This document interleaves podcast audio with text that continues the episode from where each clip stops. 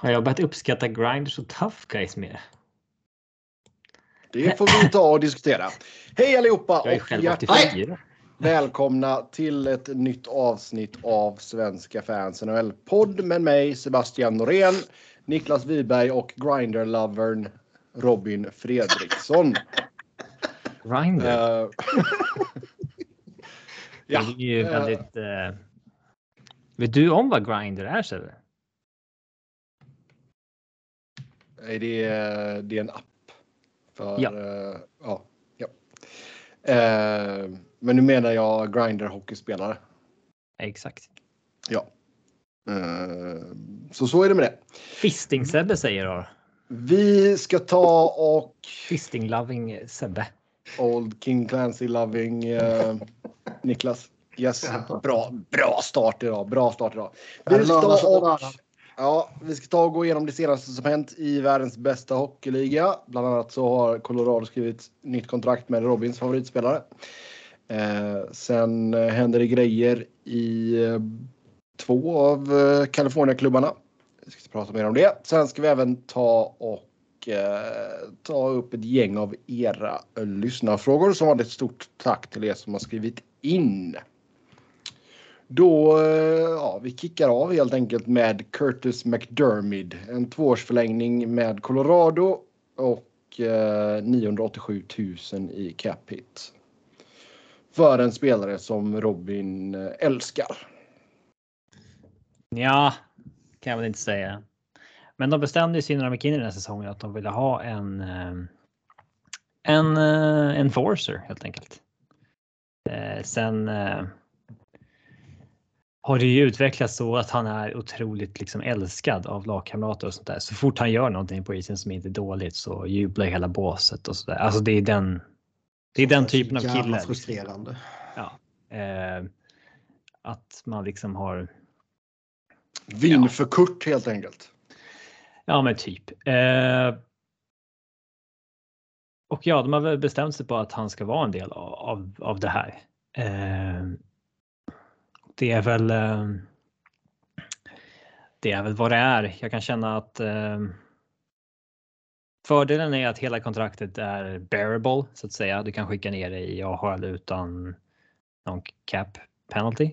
Eh, men det kommer man inte göra eftersom den här spelartypen har ju fått lite av ett uppsving igen för att den har blivit lite mer av en raritet. Att Delorier, Ryan Reeves, Curtis McDervid, de här få som finns kvar. De, eh, de har ju typ ett värde. De kostar ju att ta. Att tra- trada för. Så att man kommer inte wava honom. Så då kommer man istället ha en kille som tar upp en plats i laget, i AHL-laget, som tar upp 987 000 där man skulle kunna haft en eh, jag tror att Ävs är ett lag där man kan få en spelare, en riktig hockeyspelare för den summan eh, kommande år. Någon som har haft ett eh, svagt år och ja, men reclamation Man kan project. alltid hitta någon användbar för, för under miljonen på free agency på ett ettårskontrakt. Mm, absolut. Flyers lyckades plocka upp eh, Derek Brassard. Liksom. Ja. fan borde inte Colorado kunna göra då? Mm. Och sen så tycker jag inte att man ska ge den här spelartypen term. Nej. Den här spelartypen, om man ska ha den, ska gå ett år i taget på. Ett år i taget. Han ska vara hungrig helt enkelt. Ja, men slåss för nytt kontrakt. Bokstavligt talat. Hohoho! Det gjorde du Eh, bra. Mm. ja. Jag är lite stolt över lillgrabben. Sen så. De säger att fördelen med honom också är att han kan spela både back och forward. Kan jag också. Jag vet inte om jag köper det riktigt för att. Jag menar, om man är under NHL-mässigt som både back och forward. Alltså kan man då spela både och? Alltså. Du kan ju be.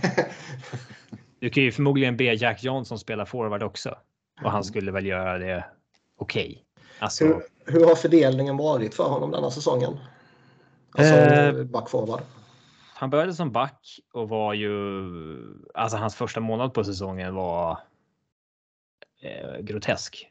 Eh, han orsakade ju ett mål bak varje match i princip och då fick han ju sitta på läktaren en månad. Sen dess har han kommit in och varit alltså liksom okej. Eh, Och det är väl, eh, alltså han har inte varit bra, men. Han har inte orsakat liksom något mål bakåt varje match liksom. Eh, men han har mestadels spelat back för att de har haft skador på. Sam Gerard, Ryan Murray, eh, Bowen Byron. Eh, men problemet är ju att trots att de älskar honom, trots att coach Bednar älskar honom som person så titta på hans istid på gameloggen. Alltså de, ehm, de litar inte på honom. Alltså han spelar ju fyra minuter vissa matcher som back. Så att de rullar i princip på fem backar när han är med. För att det inte går att lita på en sån här kille. Eh, undantaget är ju när de mötte Flyers, då fick han 14. jag får väl säga kände att eh, det var... då, då kan du släppa något sånt. ja. ja, men alltså, det är så, så, alltså, så fort en match är tight så får han inga minuter. Men eh, när en match de fick, åkte ju på spö 5-1 mot Boston. Då fick han ju spela ganska mycket i slutet av matchen och sådär. Och sen den här covid matchen mot uh, Preds när spelare plockades från uppvärmningen i princip och de gick in med fem backar och typ nio forwards eller vad det var. Så fick han spela 14 minuter också. Ja, det var den. Jag tänkte fråga om den. Jag kolla lite på, på EP här liksom och se ja. vad han har gjort. Det är den och sen är det en mot åtta va? Ja. Det är väl liksom lite flyers nivå där på Ja, men när man har haft 3-4 målsledning, då har man ju försökt spara lite minuter på Taves, Macar och sådär och det är ju fine liksom. Mm. Eh, men det är konstigt att liksom. Att vilja ha en sån här kille. För alltså hela det här. Plus minus är plus tre mot Flyers alltså. Han hade tre skott på mål, ett mål. Hans två säsonger i Kings farmarlag, Ontario Rain, de hela säsongerna, då har han bäst plus minus i laget bägge säsongerna. Det är ganska konstigt. Oh ja. eh, nej men alltså. För allt det här om att han skulle minimera risken för att typ Rantanen ska få en tackling och sånt där. Det är ju 100 eh, trams. Alltså det, ja, det är bara skit. Och Landeskog känner sig tvingad att slåss ändå. Och McKinnon känner sig tvingad att slåss ändå och skada handen eller vad fan var han gjorde. Ja, och det är så här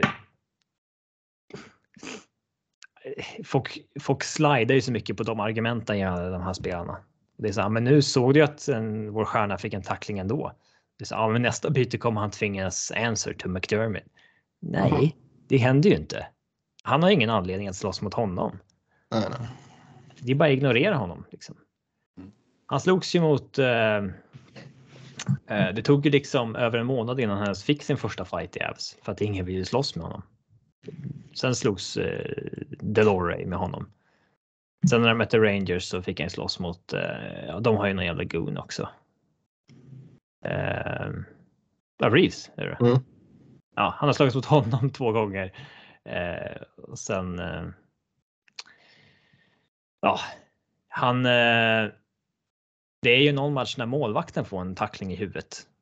En meter från McDermott. Och om någon gång då, då är, då är det väl då man vill att han ska snedtända liksom. Ja. Även fast det inte är med flit. Och liksom så här. Även fast det inte är med flit. Det är inte så att nej, han som gör det har ju inte gjort det med flit så att det är inte så här något syfte med att få spö. Så det kommer inte göra det igen. Ja, men det var inte med flit så att. Ja. nej, alltså den här spelartypen är sjukt passé. Det, det är förvånande att, det har fått, att de har fått ett litet uppsving. Det känns ju som att det är Vegas fel för att det var lite en grej av att de hade Ryan Reeves där ett tag och han stökade till lite och skulle vara svaret på Tom Wilson problemet och så vidare. Liksom. Jag tänkte väl säga det. Jag tror väl Tom Wilson är en liten faktor också. Ja.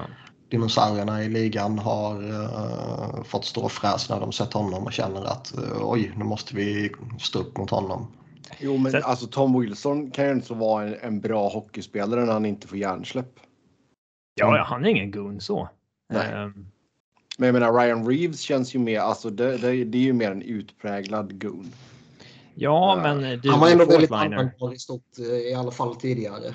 Mm. Nu är han ju lite gammal ändå.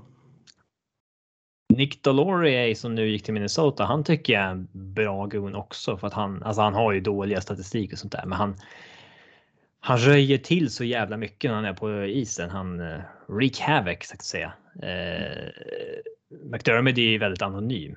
Han spelar inte särskilt fysiskt och sådär annars utan eh, och det, det är väl mest bra att han inte håller på och åker runt och tar utvisningar annars. Men. Ja, ah, jag tycker att det, det är så trist när man liksom signar en jättedålig hockeyspelare och då liksom blir han någon form av maskot i laget som alla hejar på liksom att säga älskar när han gör någonting bra och pumpar upp efter matcherna och liksom eh, ja. Ja. Mm, någon sån här intern maskot helt enkelt. Mm. Uh, jag tänkte fråga dig också om uh, Arturi Lehtonen. Mm. Uh, vad gillar du vad du har sett av honom här i början? Ja, absolut. Det är ju en uh, otroligt duktig tvåvägsspelare. Man spelade ju ett PP igår kväll där man skickade ut uh, Makar, Rantanen och McKinnon i paraplyt så att säga. Och sen så hade man Lekkonen och Nitushkin kring kassen. Och man hade ju pucken i två minuter för att stjärnorna gjorde ju sin grej. Mm. Spelade bort motståndarna och gick på avslut och sen så vann ju Nitushkin och Lekkonen alltid tillbaks pucken. Eh, Bednar kallade ju Lekkonen för mini Nitushkin i en intervju. Blev det mål då? Eh, nej, det blev det inte. Således misslyckas de grovt. Ja, visst. Eh, nej, men han är ju otroligt. Eh, man kan förstå varför han har så bra underliggande siffror liksom. Att han. Ja. Eh, eh han vinner ju puck hur mycket som helst och.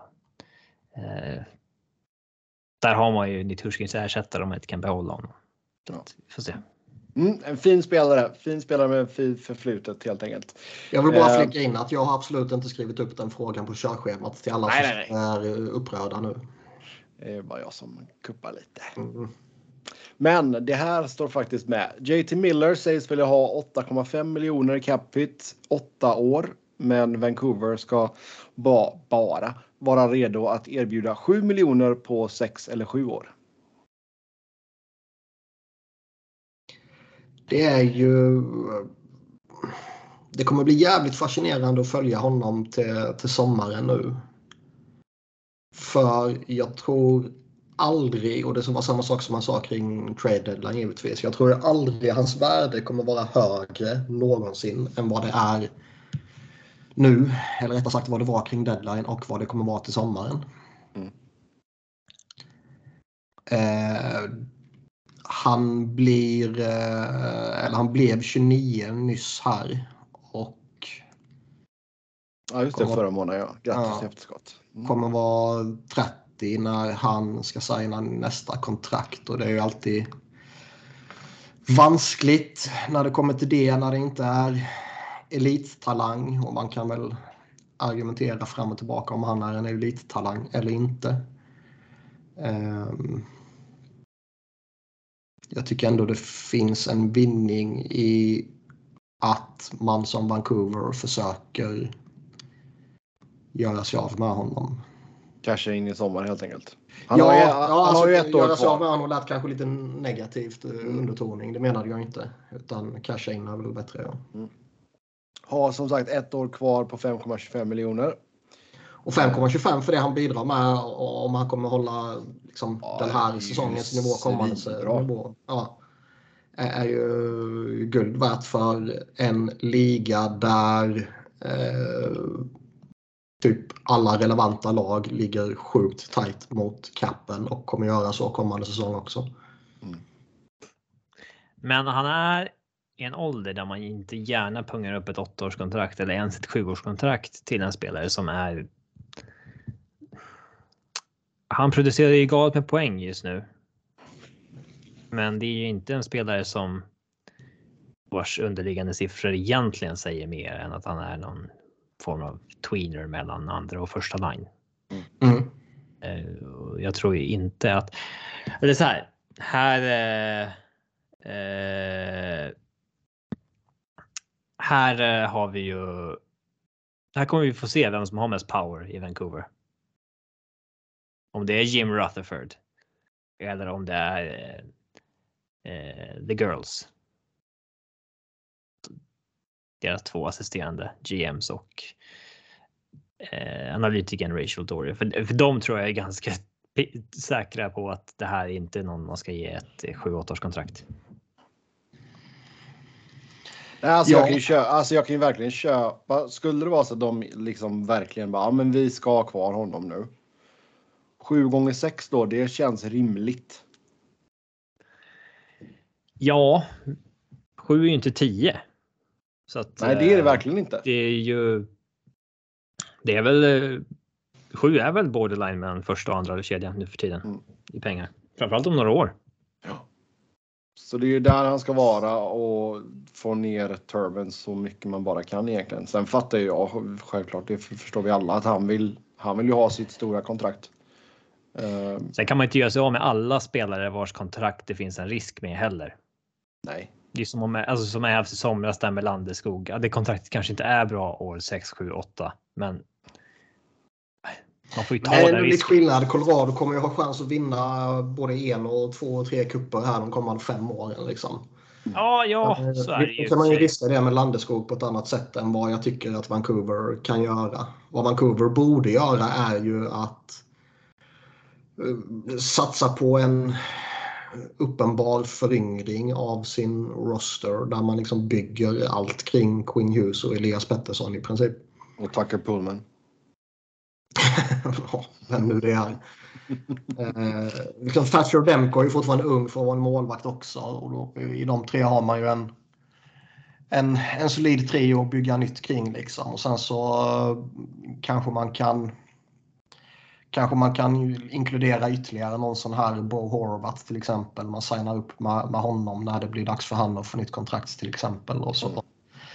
Kanske man får föryngra sig genom att skeppa Brock Boser och eh, JT Miller.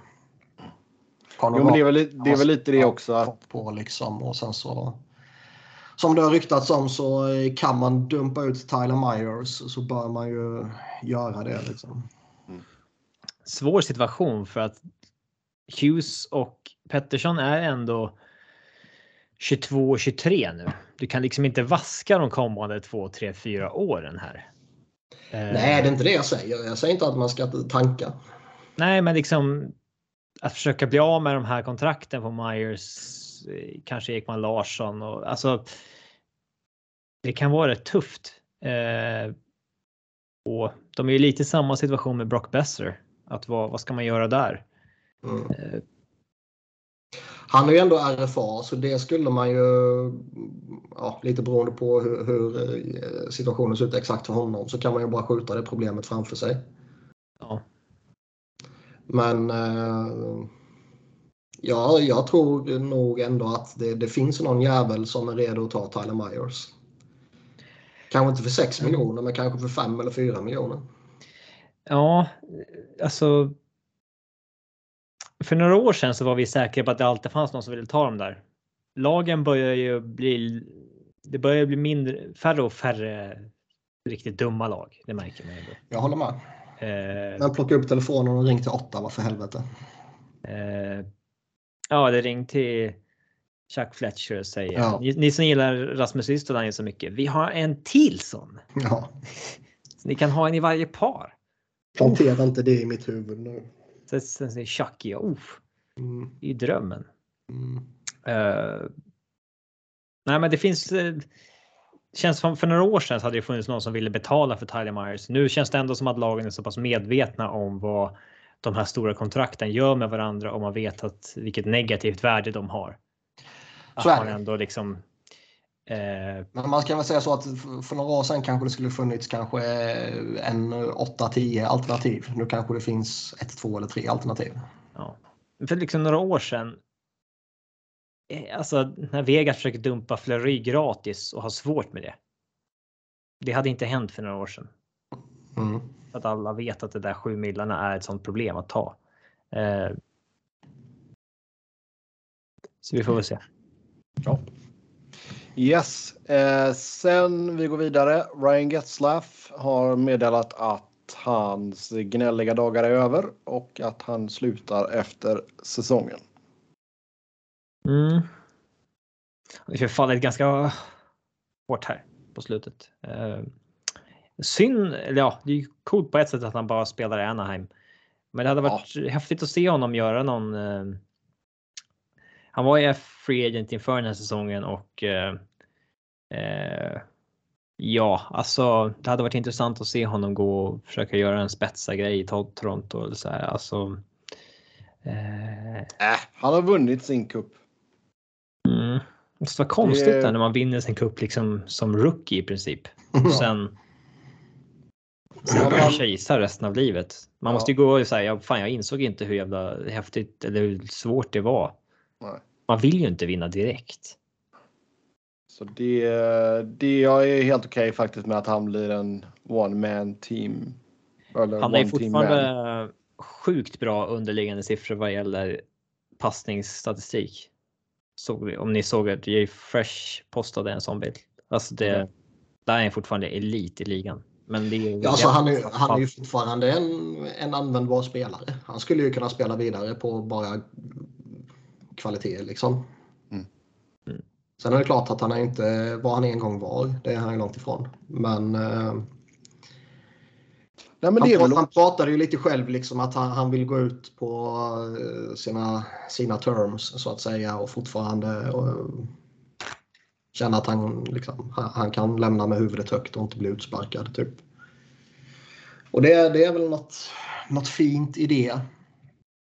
Samtidigt så vill man väl egentligen att spelare ska spela så länge de är bra. Liksom. Ja, att det blir liksom släpa ut liket nu. Liksom. Den. Ja. eh, dock är ju frågan hur, hur mycket eh, det påverkar honom att Anaheim rensar ut fullkomligt.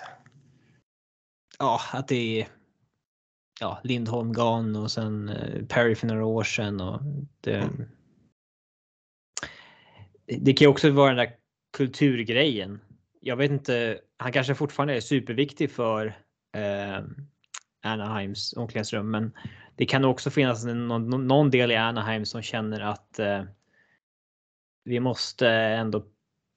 Det kan vara nyttigt för Troy Terry, Trevor Seagrass och Ja, man måste ge laget till de nya. Ja. ja, att han inte finns kvar där som någon form av. Ja, inte liksom stoppkloss, men. Mm. Eh, Nej, men det kan finnas ett, ett värde i det, absolut. Eller så är han superviktig. På, det är bara att kolla på, på Flyers liksom. Om de skickar ut Richards och, och Carter för att släppa fram Drew. Det, det, Som fortfarande ju... skördar frukt i Flyers. Mm. Men det var ju ändå, om man bara tittar för Euros utväxling så var ju det förmodligen viktigt. Och, eh, det Eller finns... så är det en överskattad aspekt. Det kanske inte. Det kanske var mer istiden som skapades.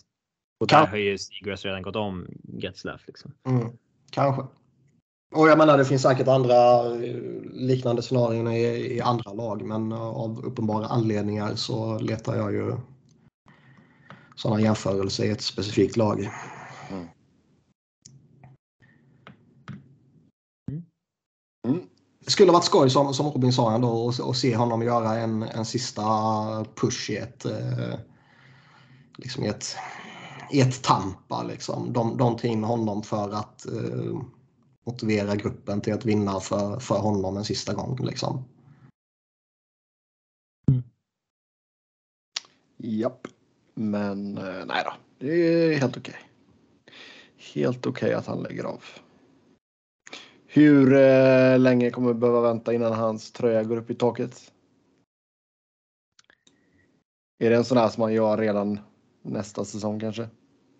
Ja, den ska väl smällas upp direkt. Såg ni att Hossa ska hissas? Ja. Är inte det lite väl låg ribba för en Original Six organisation? Äntligen börjar du förstå. Men han har ju vunnit tre kupper så det kan ju, det är ju argumentet som du har ju alltid bara haft krav att de ska vinna. Ja, men absolut. Men någonstans kommer man ju till ett läge när, när man har ett lag som vinner några kupper så eh, ska man hissa hela rosten då. Ja, det är det som blir problemet nu. Ja. Det känns som att ibland så känns det nu som att några lag de senaste åren har typ så här.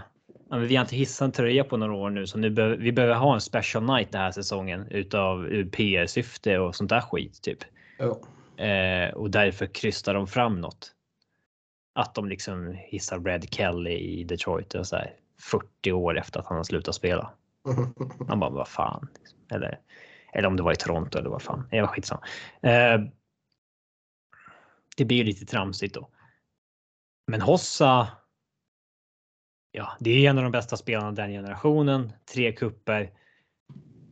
På något sätt känner jag ändå att någon form av gräns ska vara att man ska ha gjort tio säsonger i en klubb. Men alltså, ja, just i, i Chicago-fallet här som jag sa tidigare så alltså. Nog för att Hossa var en, en, en, jävligt cool spelare och en otroligt viktig spelare för dem och så liksom. Men ska man hissa hans tröja så måste de ju hissa alltså. Minst... Ja, då är ju Taves och Kane tokgivna. Taves och Kane är tokgivna. Keith är typ tokgiven. Uh, ja, Patrick det... Sharp är typ tokgiven. Ja, det blir ju borderline då på Sharp, Seabrook och Crawford. Ja. och det, det ska man. Visst, det, det, det är klart att det, kan, det kanske är så att tre, fyra tröjor ska upp från den här generationen som har varit liksom Hawks bästa i historien.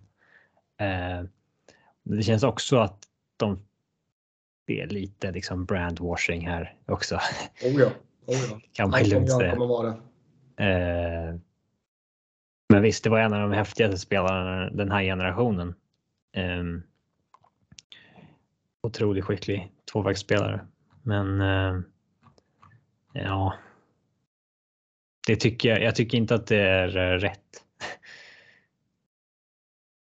Eller det är intressant, det är det. För då, som vi sa, då är det fyra, fem som ska upp ur den generationen och det är kanske lite, lite extremt. Min, minst. Ja, Vilka andra? Ja, men de vi sa nyss. Ja. Taves Kane Keith är ju givna då i alla fall. Ja, ja, ja. Sen så det är ju Hossa, men Hossa kanske är lite Hossa så är Patrick Sharp där också. Sen kan man väl argumentera då för Seabrook och, och Crawford och så finns det säkert Hjalmarsson. Fan Hjalmarsson. ja. ja. Fan jävla Odoja typ liksom. Ryan Campbell. Det är Brian Bickel ska väl upp där. Ja. Andrew Shaw. Hyser upp ett skägg för Odoja bara. Vad hade de mer? Big Buff. Andrew Ladd. Vad fan hade de mer? Ja. Dave Bolland. Stig ska väl upp också. Ja. ja halv, halva laget typ. Ja, det är ju ja. där de ligger redan nu. Mm. Men det var ju tur att han skrev på ett sånt där endagskontrakt. Ja, det var ju det töntigaste hittills i och med att han Så. inte har spelat någon annanstans sen han slutade. Nej. Sen att hans kontrakt har varit i Arizona. Det är ju. Mm. Ja, visst. Mm. De borde skicka upp han i taket där med. Behövs lite ny inredning där när de flyttar till Tempe och ASUs arena. Alltså liten arena så det kommer inte få plats med så mycket. De har ju i alla fall. Eh, har, har de någon vimpel i taket?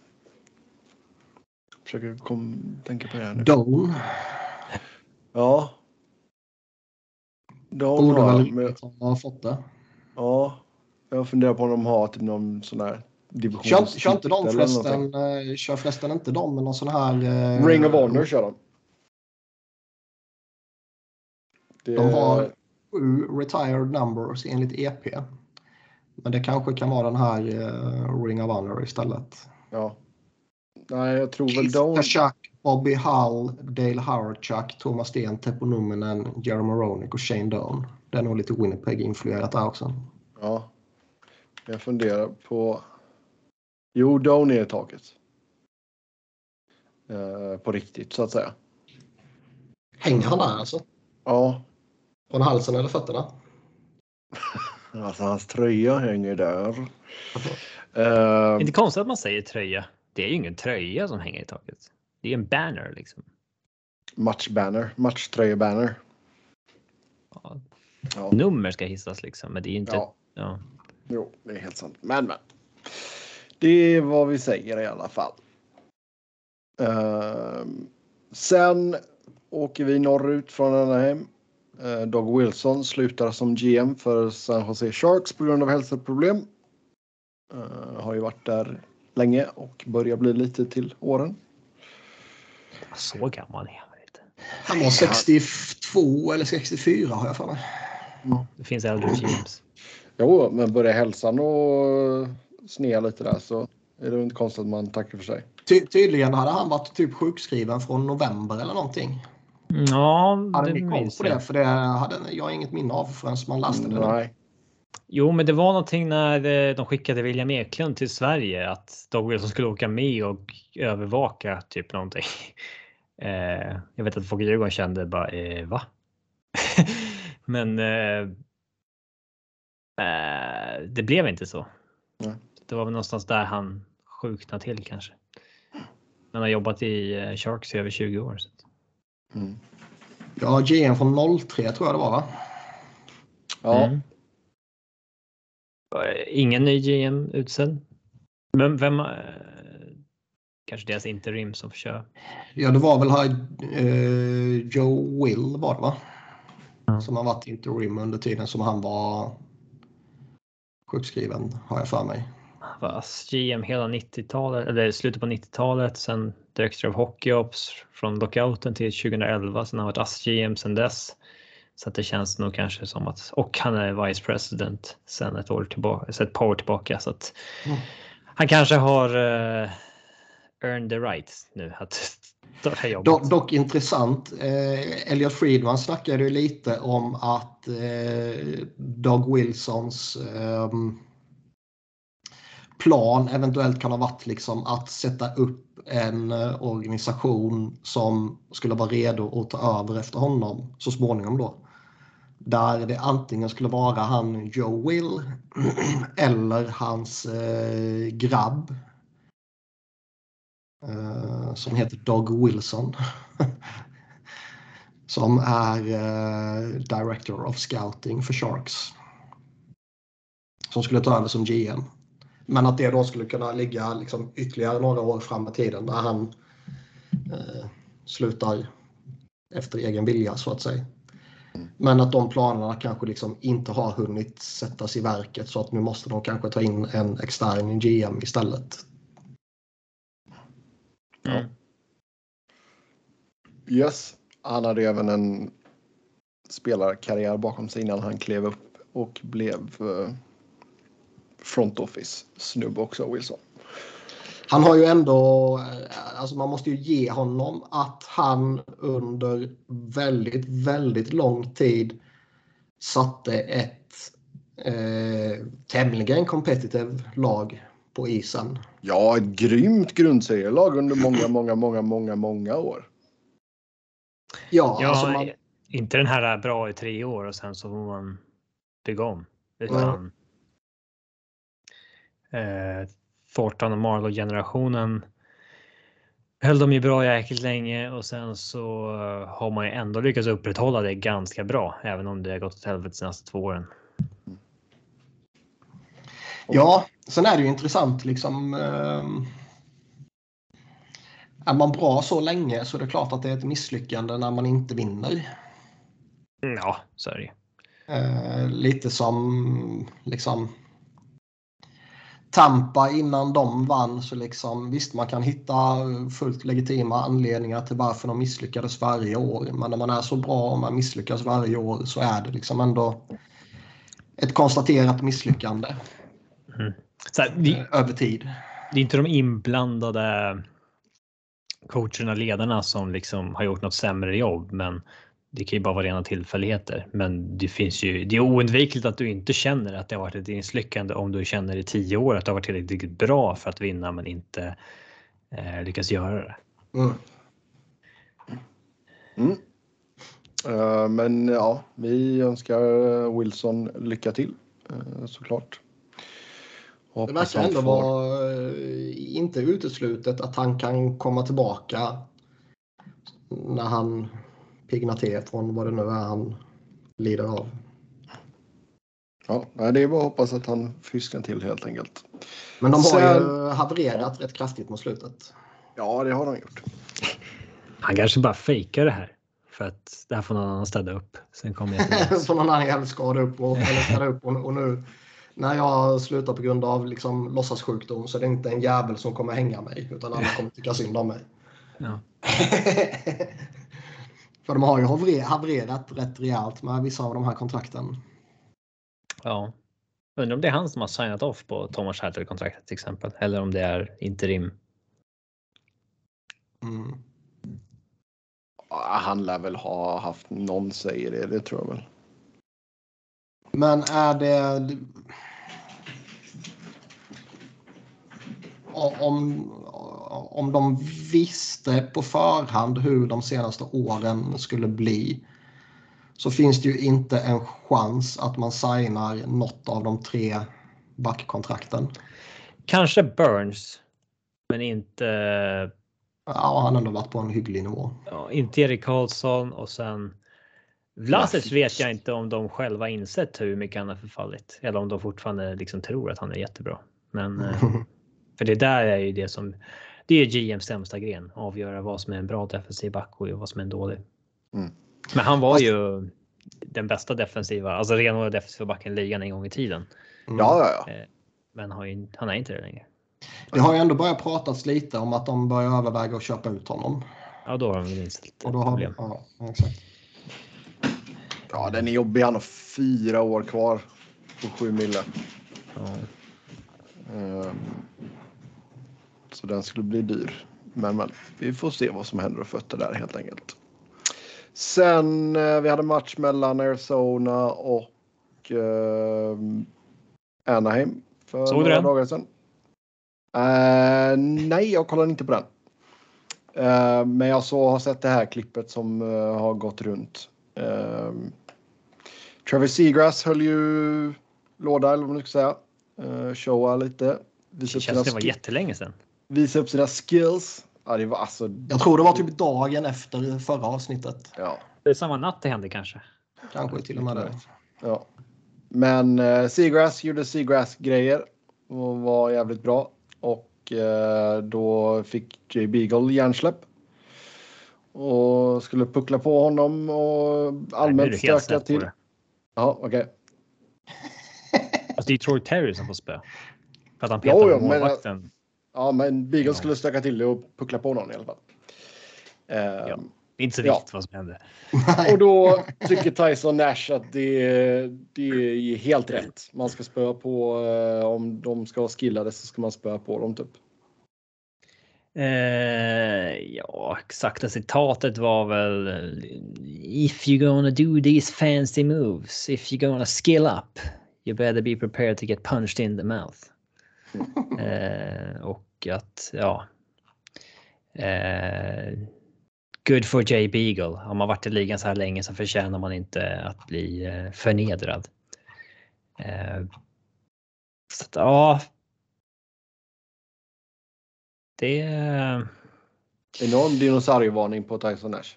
Ja, och är det var brutalt. intressant. Och det, eh, det sjuka är att han typ en eller två dagar senare när han liksom ställs mot väggen på något sätt eh, liksom inte direkt tar tillbaka vad han har sagt och ursäktar sig utan doublar down så att säga.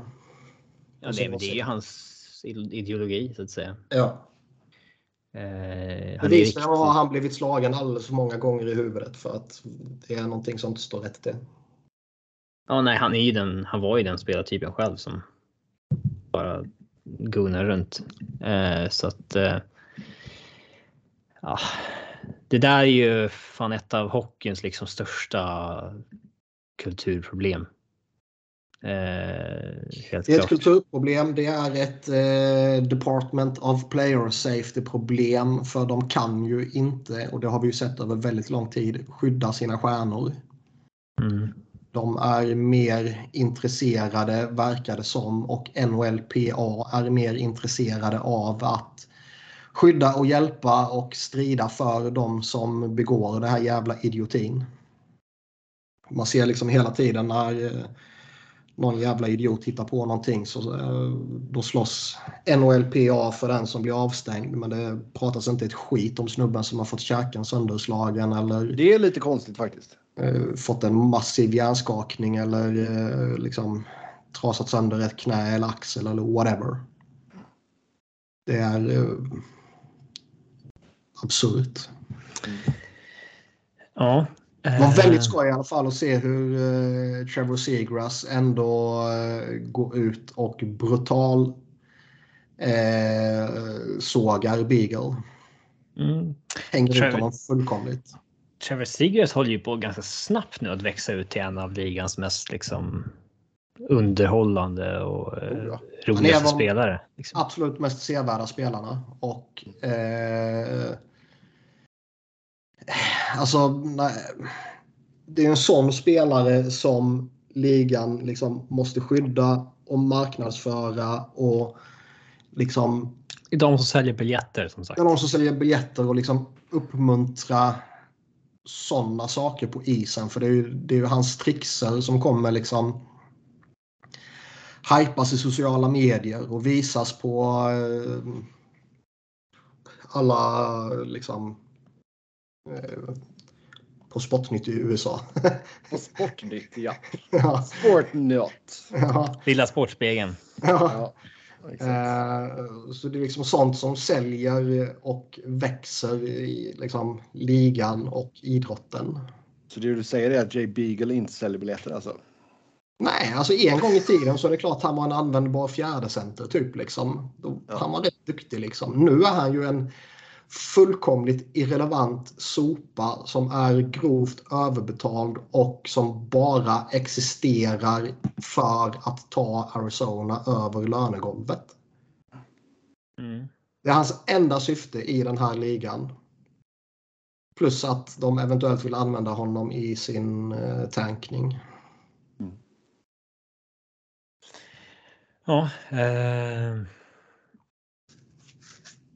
Jag vet inte vad mer man ska säga om om det. Nej. Alltså, det, det, det sjuka var ju inte eh, att Beagles nedtände på Terry en match när de ligger under med fem mål och han petar på målvakten en gång för mycket.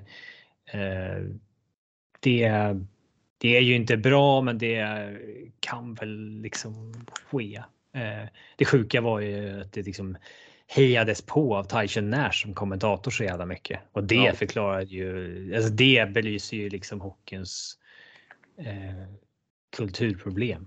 Ett sätt att han Oh ja. står i tv och säger att det här är så det ska gå till. Eh, Jo, exakt. när liksom barn sitter och tittar på det. Liksom. Jo, jo, jo. Och jag menar, där har ju föräldrarna ett ansvar att säga att Tyson Nash, han ska du inte lyssna på, lille Pelle.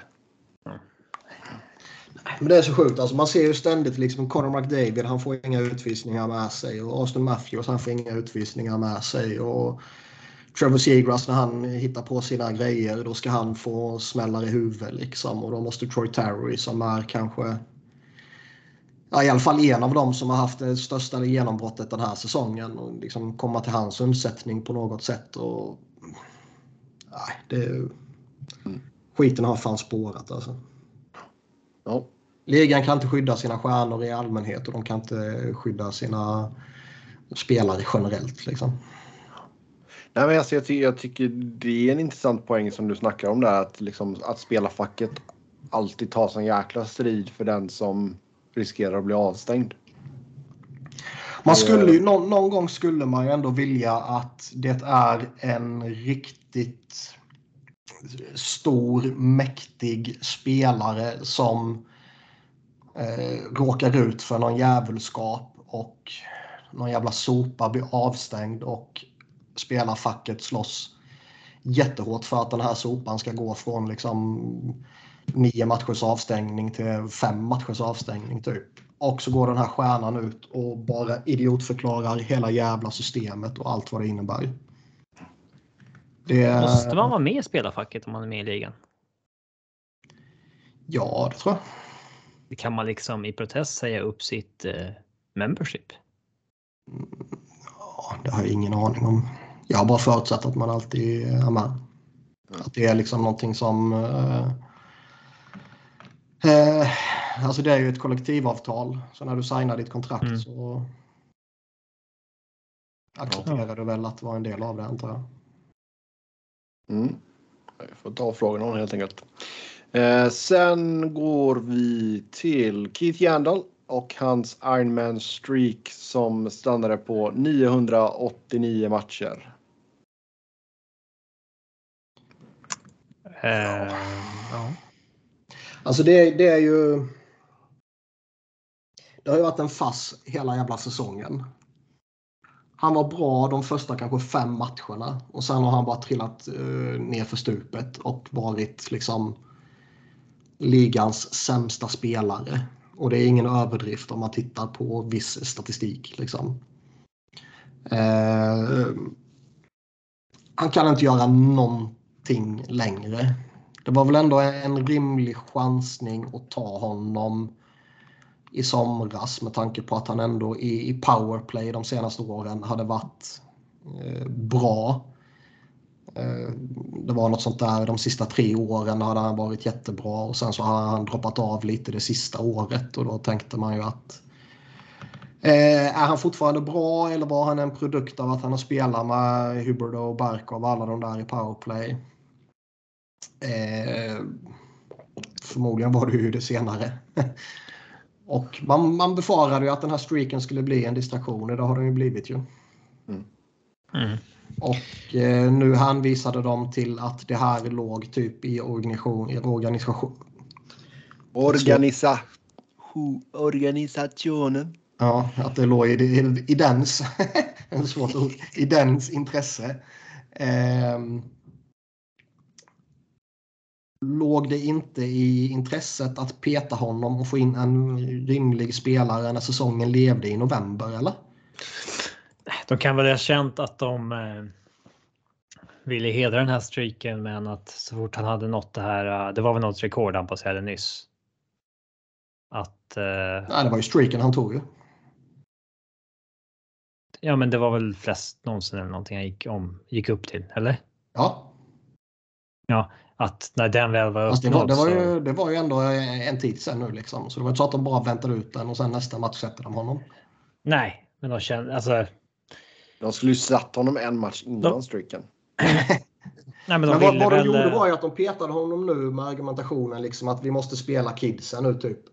Och sen så är det Keith Yandel som vi petar för vi vill se vad vi har i Nick Sealers. För att han kan eventuellt få ett nytt kontrakt med oss. Typ. Det är väl inte så konstigt? Eller? Och det är väl inte orimligt? Nej, det håller jag med om. Nick Sealer är en... Uh, liksom en okej okay, typ 7 åtta, något sånt där. Slänga in han lite här och där. Släng, slänga upp och ner honom mellan AHL och NHL. Tappade honom på waivers. Är det inga problem liksom. Men Chuck Fletcher har haft honom i flera år i Minnesota. Man har haft honom i Philly nu. Om man inte redan vet vad han är så kommer man fan inte lära sig vad han är på ytterligare 10-ish matcher eller vad fan det kan röra sig om. kan man ju tycka, men eh, det är fortfarande mer relevant vad han kan göra nu i slutet av säsongen än vad han var i Minnesota för tre år sedan. Givetvis, det begriper jag också, men du begriper också vad jag menar. Ja, men jag tycker inte Flyers, att det, jag tycker inte att det är ett konstigt argument, nej. Eh.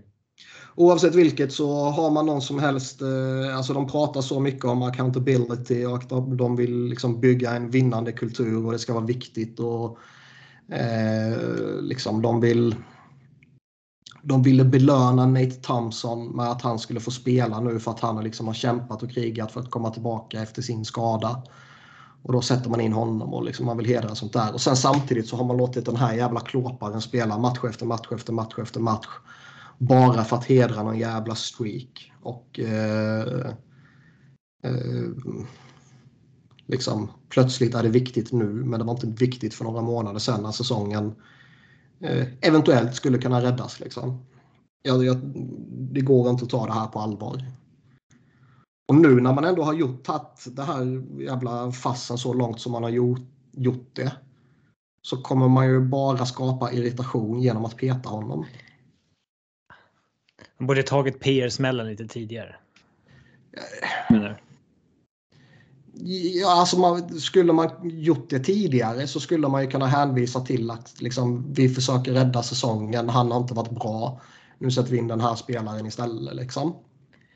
För han har ju objektivt sett inte varit bra. Liksom. Det, både det, det eye-test och siffrorna visar ju på att han är skitusel. Ja, nej, jag... Nu när det har gått så långt så kan man ju lika gärna bara låta han nå sina tusen matcher typ och, och liksom Sen får väl streaken själv dö till sommaren när ingen jävel kommer signa honom igen. Liksom. Men nu, det, det man gör nu är att man, liksom, man retar ju upp Kevin Hayes, hans bästa polare, som, som liksom beklagar sig över att det blev så här. Och eh, jag tror definitivt att det, liksom, det här är så jävla överhypat i ligan. Konstig grej alltså. Som, att eh, det är en sån grej med Ironman Streets ja. i NHL. Ja. Men fan bryr sig? Alltså... Nej, jag håller med. Men liksom jag är 100% övertygad att det finns eh, folk där ute som har satt upp flyers på sin shitlist nu för att man gjorde så här. Så nu är Phil Kessel den som har den längsta aktiva Ironman-streaken? Ja, the Ironman of the NHL, Phil Kessel. Mm. Eller han måste ju gå om igen först. Eh, ja. Eller alltså längst aktiva. Det, ja. Om han fortsätter spela så att säga så kommer han göra det först nästa säsong. Mm. Men eh, jag tycker alltså.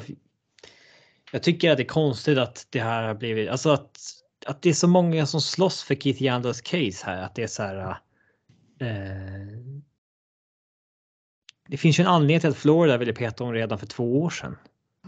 Ja. Och sen... Men, men hur ser det ut, alltså förlåt jag avbryter det där Robin, men Niklas hur ser det ut alltså i Flyers-lägret så att säga bland supportrar och sådär? Är alltså är det, fattar alla att ja, det han, ska, han bör inte spela liksom? Alltså i, i, i, i liksom Twitter-bubblan så är alla rörande överens om att han är sämst i världen. Sen så eh, tycker man väl att han är mer eller mindre värdelös. Kanske. Men eh, jag har ju inte sett någon som har liksom argumenterat för att han ska få spela för att han fortfarande är bra. Liksom. Däremot är det folk som tycker att ja, men hedra streaken, det är viktigt. Och, det är viktigt liksom, för spelarna, typ. Lava. Ja, och, och jag menar det är viktigt att Keith Yandel spelar om man vill ha ett så bra draftval som möjligt. Mm. Elliot Freeman sa väl att inga att Flyers inte hade gett honom några löften om att behålla streaken, eller hur? Eller sa han tvärtom att de hade det i somras sagt att Eh, Nej, de hade ju sagt till honom när han kom att vi, vi kommer eh, liksom... Eh, Ta den i beaktning. De gav garanti, ja, jag vet inte om de gav garanti att du har en obestridlig plats vad som än händer. Liksom. Men att de i alla fall ska ha sagt att eh, här kommer du få alla möjligheter att slå rekordet. Typ. Ja. Vi, vi kommer hedra, hedra den ambitionen. Sen så... Uh, ja, alltså hur, hur många matcher måste man upp i innan man får någon form av healthy scratch immunity? Ja. Alltså, alltså det är ju... Trams. Visst var det du och jag som uh, skrev lite om, uh, vad fan var det? Mike Rupp var det va? Ja, Mike Rupp hade ju... Jag trodde ju att han skulle stå på andra sidan för han släppte ju bara en video som hette typ så här Time to rant eller någonting. Ja. så började prata om Keith Yandel. Tänkte man, ja, jag här är en till som ska snacka om hur, vilken bra kille Keith Yandel är och vad han förtjänar rekordet. Men han sa ju tvärtom att så här, det är liksom ett privilege att spela i NHL. Är du inte tillräckligt bra ska du inte spela längre. Och de här rekorden kommer ju inte spela någon roll i framtiden om de liksom är fabricerade för att fortsätta så länge som möjligt. Alltså. Alltså Phil Kessel är ju liksom. Å ena sidan så är hans streak så sjukt jävla imponerande för den påbörjades väl när han genomgick cancerbehandling. Typ. Å andra sidan så är den så jävla patetisk för att han eh, gjorde det här ett byte ja. i en match. Där skulle den ha brutits. Ja. Det är folk säger så ah, men. Eller så får han ju skippa förlossningen liksom. Folk säger att ah, det handlar om att vara frisk eller, eller det handlar om att vi inte var sjuk och skadad. Så, ja, men vad, vad, fler, eh, vad fler för undantag ska vi ha då? Ja. För, alltså ska det så här, bröllop? Ska det eller vad? Nej, men vad, vad, det handlar ju om att vara tillgänglig för match. Sen vad det gäller, det är ju Alltså det är därför det blir så eh, sällsynt. Mm. För att det kan alltid dyka upp grejer. Covid, Ja, ja, sjukdom och bli alltså det är det som gör streaken sällsynt. Och Det, jag, jag, jag tror definitivt för övrigt att det finns en konspiration också att Keith Yandel typ inte har behövt testa sig eller någonting ja, under hela pandemin. covid. Ja. Att han och Kessel lyckades undvika. Mm. ja, liksom Keith Yandel delar rum med Kevin Hayes när Kevin Hayes testar positivt. Liksom. Ja. Nej, men liksom. Ja, men, som rapper. Eh, Mike Rapp avslutar med att liksom. När man tittar på ett rekord att den här spelaren spelade så här många matcher i rad. Då ska det ju vara att den här spelaren. Liksom spelade tusen matcher i rad i NHL för att han aldrig var frisk. Eller han alltid var frisk och aldrig skadad och platsade i tusen matcher. Inte att han platsade i 800 matcher. Sen så var tre organisa, eller liksom sista tre säsongerna så fick han spela bara för streakens skull och spelare, spelare stred för att han inte skulle bli petad och liksom alltså. Vad är det för jävla fabricerat rekord då? Liksom. Mm. Nej, det är helt sant. Hopp. Vi eh, talar och eh, går vidare där och så tar vi en titt på de senaste lagen som eh, matematiskt sett har missat slutspel. Det är Chicago, Ottawa och Buffalo. Vi eh, börjar med Chicago där och ja, är det dags att säga hej då till Patrick Kane och Jonathan Taves? Det verkar ju faktiskt eventuellt så. Alltså, Ja, de var ju- untouchable vid deadline. ja, de har ju... Nu kommer jag i och för sig inte ihåg om det var båda två eller om det bara var... Toews var det va? Taves var ju ute och gnällde. Ja, exakt. Det var Han har nog bara har han tagit över gnällrövmanteln här nu. Kaptenernas kapten, Jonathan Taves. Som eh, givetvis inte förtjänar det ep- epitetet tidigare och definitivt inte gör det nu efter att han eh, var en stor eh, medhjälpare i mörkläggningen. Mm. Och eh, mobbningen och allt vad det var. Vad gnällde han på då? Nej, vad fan, rebuild är tråkigt typ. Ja, men suger man så suger man ju. Det, ni, de har ju haft chansen i tre säsonger här eller fem kan man väl säga att eh, visa att eh, det inte ska rebuildas, att den åldrande kåren fortfarande är tillräckligt bra. Eh, Den Ja, nej, som, jag håller med. Jag sitter inte här och slåss för Jonathan Taves direkt. den, enda som, den enda som bevisar motsatsen är ju Patrick Kane. Mm. Jo, men han var, alltså, han var ju typ lack över att Hegel försvann och, och Ja, men vad fan. sådär. Ehm, Ja. Alltså, Men jag menar deras GM, eh, Kyle Davidson. De har ju gått ut och eh, mer eller mindre, eller definitivt, jag kommer inte ihåg, sagt att de ska rebuilda nu. Mm. Och det börjar ju de med i, i samband med deadline med trade iväg honom för dubbla first round och så här. Och eh, gör man det så måste det ju finnas ett intresse i att dumpa iväg de två. ja, men har inte tåget gått lite på att dumpa iväg Jonathan Taves? Alltså går, går det ens? Retainar man på... eh, Oj. Ja, men räcker det? Retainar man hälften på honom så tror jag definitivt att det finns, eh, vad heter det, eh, minst två, tre, fyra GMs eller organisationer där ute som... Under en halv poäng per match i år. Ska Ja, gå in på 5,25 nästa år. Alltså jag är, jag är tveksam. Jag tvekar inte ett dugg. Det som kan ställa till det är väl att det är så jävla många lag som ligger så hårt mot kappen. Eh, det finns ju väldigt lite wiggle room så att säga.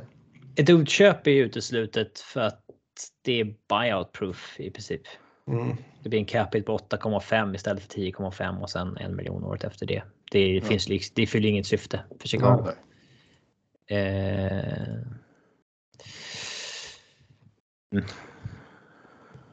Kane kan man, kan man väl inte kränga för kanske 10,5. Det är nog svårt. Men uh, retainar man ett uh, par tre miljoner där bara så borde han ju fortfarande vara attraktiv. Det ligger i eget intresse att retaina för att uh, kunna behålla så mycket, eller få så bra utbyte som möjligt. Absolut. Ska, skapa så många. Men jag menar, jo absolut, men där behöver man ju inte kanske pressa ner det på samma sätt som man rimligtvis behöver pressa ner för Taves. Nej, om det inte är så att ja, du kan ju retaina hälften om det Jo. innebär att något lag som kan ja, retaina vad som krävs att få bästa bud helt enkelt. Det är väl så man ska uttrycka det. Och det kan vara intressant att se honom någon annanstans. Mm. Oh, ja. Ja, men ska man då gå in i en rebuild här då? Alltså du har ju sett, sett Jones nya kontrakt kickar in från och med nästa säsong. Han kliver upp på 9,5. Han är där oavsett vad. Det är bara att köra liksom. Ja, Och han är ju okej. Det är bara att han. det- passade inte alls Hawks att ge honom det där kontraktet för vart de var Nej. just nu liksom och ja, och så vidare. Ja, han borde nog ångra sig nu va? Jo, ja. ja men alltså vad fan tänkte han? Ja. Alltså, det Ja. kanske inte var så viktigt för honom att han skulle vara, spela ett bra lag, men det brukar ju vara det för spelare. jo men alltså 9,5. Jag tror han klarar sig ändå va?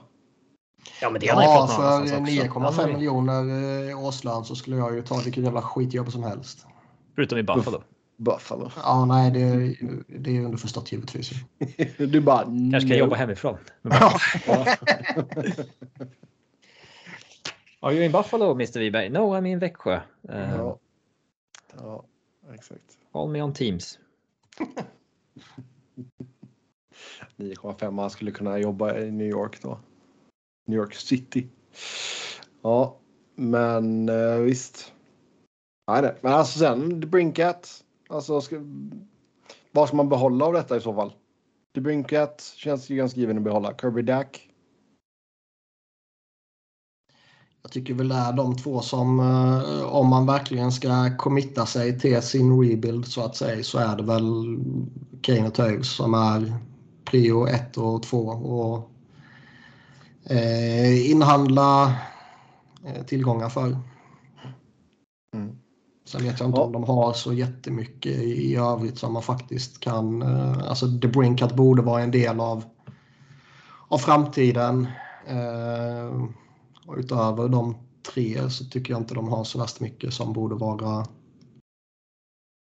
så jävla relevant för andra lag att plocka upp. Liksom. Nej. Yes. Eh, Ottawa då. Ja, vad kan de ens göra? Nej. Det är en väldigt bra fråga. De är väl eventuellt fortfarande som vi sa förra veckan i, i någon form av eh, Limbo. limbo. Ja.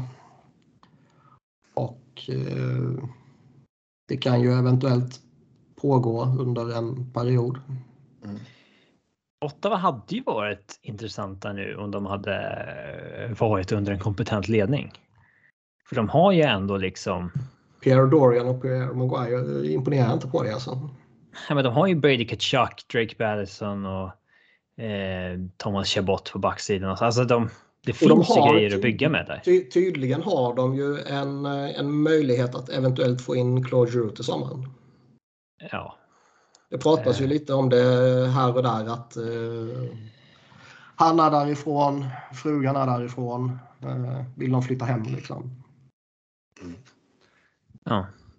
Eh, nej men alltså det, Problemet är ju inte vad de, vart de är idag och vad de har att jobba med utan problemet är ju att de beslut som kommer tas framöver kommer med stor sannolikhet vara dåliga baserat på vilka som är in charge och det är svårt att ta sig runt. Det är bra. Jag tycker inte att de är någon. Jag menar, Matthew Joseph har fått en panginledning i Ottawa. Joshua Norris är intressant. Tim, Tim Stützle har man att jobba med. Alltså det, det finns ju saker att. Ja, jag tycker de har en spännande ung core. Definitivt. Ja. Problemet är ju att deras brain trust eh, tycker liksom att det är värt att betala dyrt för att få in Travis Hammonick för att han är en perfekt mentor till eh, Mm. vilken Ja, ju- kommande ung back det nu var de hade innan. Jake Sanderson. Mats Sögaard. Synd att han inte hette Sörgard och att det var Runars pojk. Mm. Nu daterar jag mig själv med den eh, referensen där. Vet ens folk vem Rune Sörgard är längre? Ja, Det är en kriminell snubbe väl? Det är mycket möjligt. Sörgard-nätverket. Kommer bara tänka på, fan vad den hette den gamla serien med Filip och Fredrik. Oj, vilken då? De har gjort många. Ursäkta, vi rör, vi bygger om eller? Alltså Det första första- de gjorde där när de breakar det liksom. Ja. Det första de gjorde på TV4. Fick de sparken Ja. efter fyra avsnitt. Och så, Sen plockade var Kanal de, 5 upp dem och har gjort typ 200 program sedan dess. ja, och så var de ju typ i någon galleria eller någonting. Uh, så gick ju... Att det var så här challenges de skulle göra. Ja, Eh, så då fick ju- Fredrik challengen ta fem män på kuken. Ja. Och sen så gjorde han det på fem stycken och så var det så här, oh shit, det där var ju Runa Sörgård.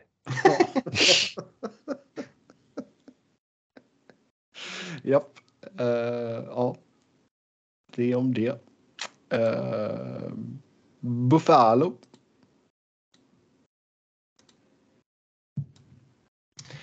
Buffalo är väl också i en liten sån här småintressant situation för att vara Buffalo. Eh, Owen Power kommer ju in här nu. Så Spännande Mm. att se vad, vad han kan göra både kortsiktigt och långsiktigt. Och eh, de har ju en, en eh, vissa inslag i en yngre stomme som är eh, spännande såklart. Mm. Rasmus Dahlin har sett bra ut i år. Det har han kanske gjort. Han är tämligen irrelevant för mig. Eh, det är ju Owen Power som är den intressanta backen i Buffalo såklart. Tage Thompson har ju Så det här haft ständiga kanadensrunkandet från Niklas sida. Alltså det är... Ja. Och det är befogat i det här fallet inser alla förutom Sebastian Nordén och andra eh, svenskrunkare. Det är hela tiden han bara åh Kanada. Mm. Claude Giroux är därifrån. Eh. Jag är kanadensare i själen. Det har jag inget emot att erkänna. Men eh, däremot så missar de ju slutspelet nu för eh, elfte året i rad. Mm, rekord va? Jag har för mig jag läste någonstans att det var rekord, ja. Ja. Och det är ju imponerande uselt. Ja, det är inte eh, jättebra direkt. Eh, Och man undrar ju lite om eh, de helt enkelt bara kommer vara fast i någon form av uselhet eller mediokerhet. Så länge Pegulas eh, styr den där skutan rätt åt helvete. Jag har inte riktigt något grepp om Kevin Adams som GM. Nej. Men de Nej, har tre, menar- troligtvis tre val i första rundan i sommar. Några är lite conditional som jag inte orkar kolla upp. Men eh, för, eh, framtiden behöver inte vara så dålig. Och det är så här, förr eller senare kommer de ju vara bra. Liksom. Ja. De, är, de är bara topp de är top 10 protected bara. Ja, men Alltså, satsar de på att ta in en vettig målvakt nästa säsong så kan det bli någonting där.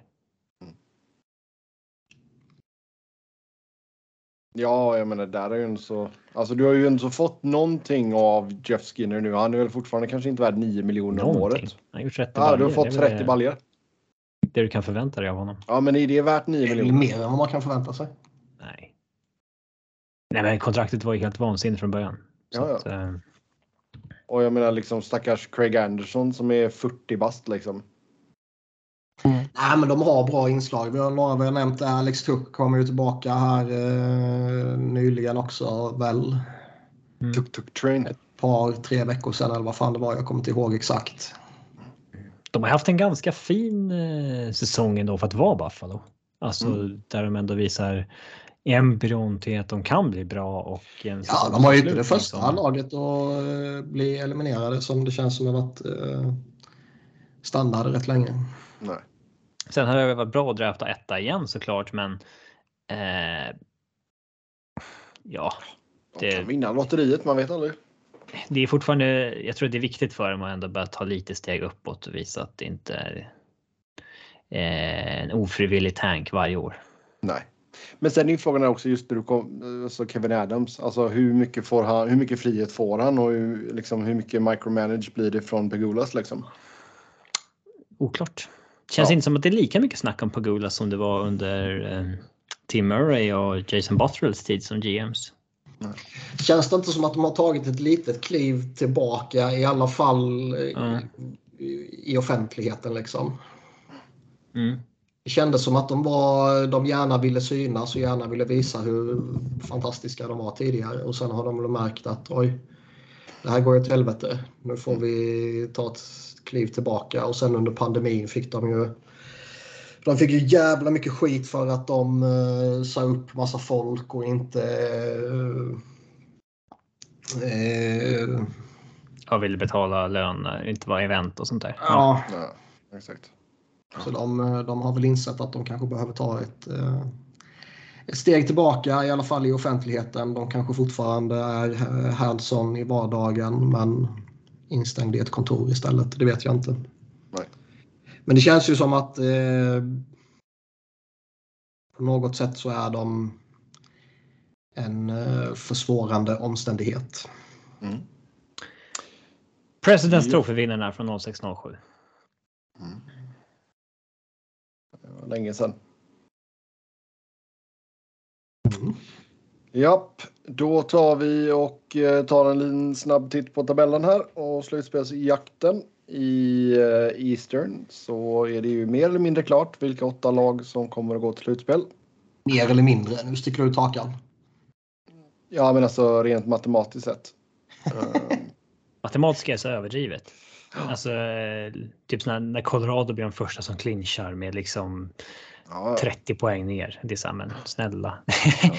eh, fan vad Ja. tråkigt det har varit med den här säsongsavslutningen. Att det är liksom, man går ju bara och väntar på slutspel. Det finns ju ingenting att spela om. Det, det har jag gjort från november. Ja, Mm. men alltså. Det är bara det här Vegas, Dallas, Nashville racet som har någon form av betydelse. Det är ju verkligen. Alltså, det är verkligen en säsong som bevisar att 82 matcher är för mycket. Det är liksom. Mm.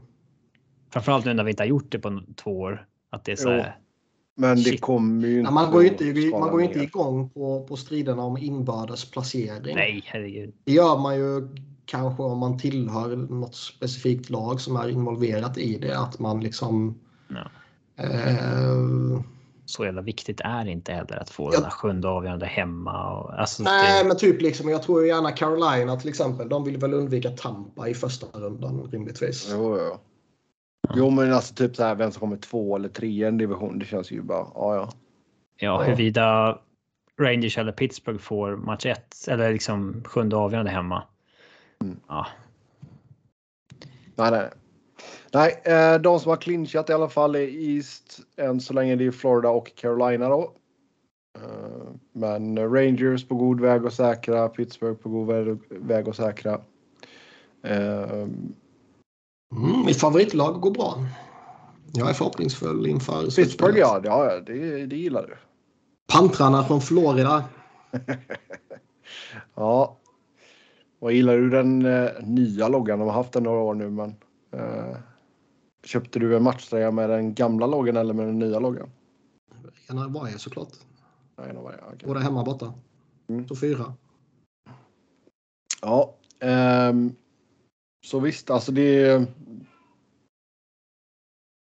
Det är inbördes positioner som gäller här och som de slåss för just nu. För det är. Vi tror väl inte någon att Islanders går och vinner 12 raka här samtidigt som Washington total genom klappar liksom. Det känns väldigt avlägset ja.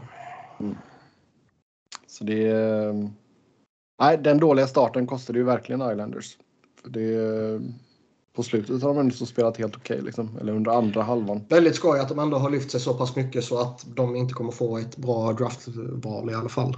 Ja, det Eh, Om de nu inte vinner det här jävla lotteriet. mm. Mm, vem vet? Vem vet?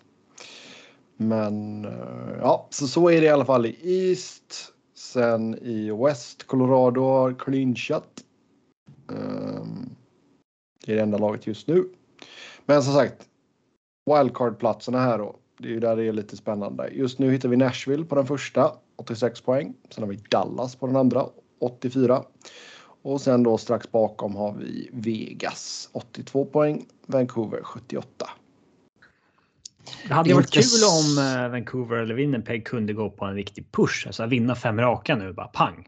Mm. Sätta press. Men de är lite för dåliga för det. Eh, tyvärr. Men det intressanta är ju att Vegas har ju ändå gått väldigt starkt mot slutet. De vann fem raka matcher och sen gick de på en, eh, en mina mot Vancouver. Men mm. mm. Visst, det var ett enkelt spelschema med liksom Chicago, Seattle gånger två och sen Vancouver gånger två. Man, man, kommer, man kommer gå på några jävla mina här och där. Det kommer alla lag göra. Liksom. Torska mot ett dåligt lag. Mm. Um, men man vinner ändå fem raka och man ligger fortfarande bakom Dallas. Liksom. Mm. Men vi får väl nästan ta, det är nästan dags att börja kolla på schemat här nu. Um, om vi kollar på Vegas först då. Då har du alltså, du har Arizona idag, eller i natt. Sen har du Vancouver, Calgary, Edmonton, New Jersey, Washington, San Jose, Dallas, Chicago, St. Louis. Den där matchen mot Dallas, det tredje sista, är ju potentiellt skitspännande. Mm. Räknar man bara in Nashville här eller? Nej, jag tänkte ta deras schema också. Ja, visst gör det. Just nu står det 1-1 mot Florida. Mm.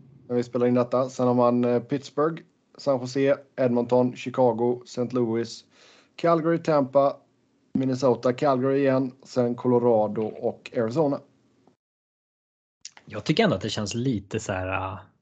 Är inte det roligaste schemat.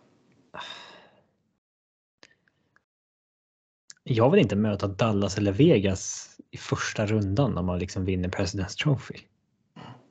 Det är ändå lite drygt. Mm. Uh, Dallas har Chicago. Dallas Tampa. är inte så. Alltså, Vegas som de får tillbaka, alla kan ju bli ruskigt jävla obehagliga. På den nivån har jag ju inte Dallas ju. Mm. Nashville är ju inte jättebra heller. Förutom att de har hetaste målvakten av de tre. Ja, den kan ju bli, alltså får han... Eh, kommer han in in the groove så att säga i en slutspelsserie så då kan det fan bli jobbigt. Men eh, Dallas rabblar jag bara lite snabbt här nu då. Chicago går på pumpen mot uh, New Jersey här. Ehm, Chicago, Tampa, Minnesota, San Jose, Vancouver, Edmonton, Calgary, Seattle, Vegas-matchen där och sen Arizona och Anaheim. Så det känns väl... Alltså Dallas har det enklaste schemat på pappret. Mm. Ja, det är som jag sagt tidigare, det vore jävligt skoj om, om Vegas missar bara för att se hur de agerar eftersom vi inte har sett dem misslyckas tidigare. Nej.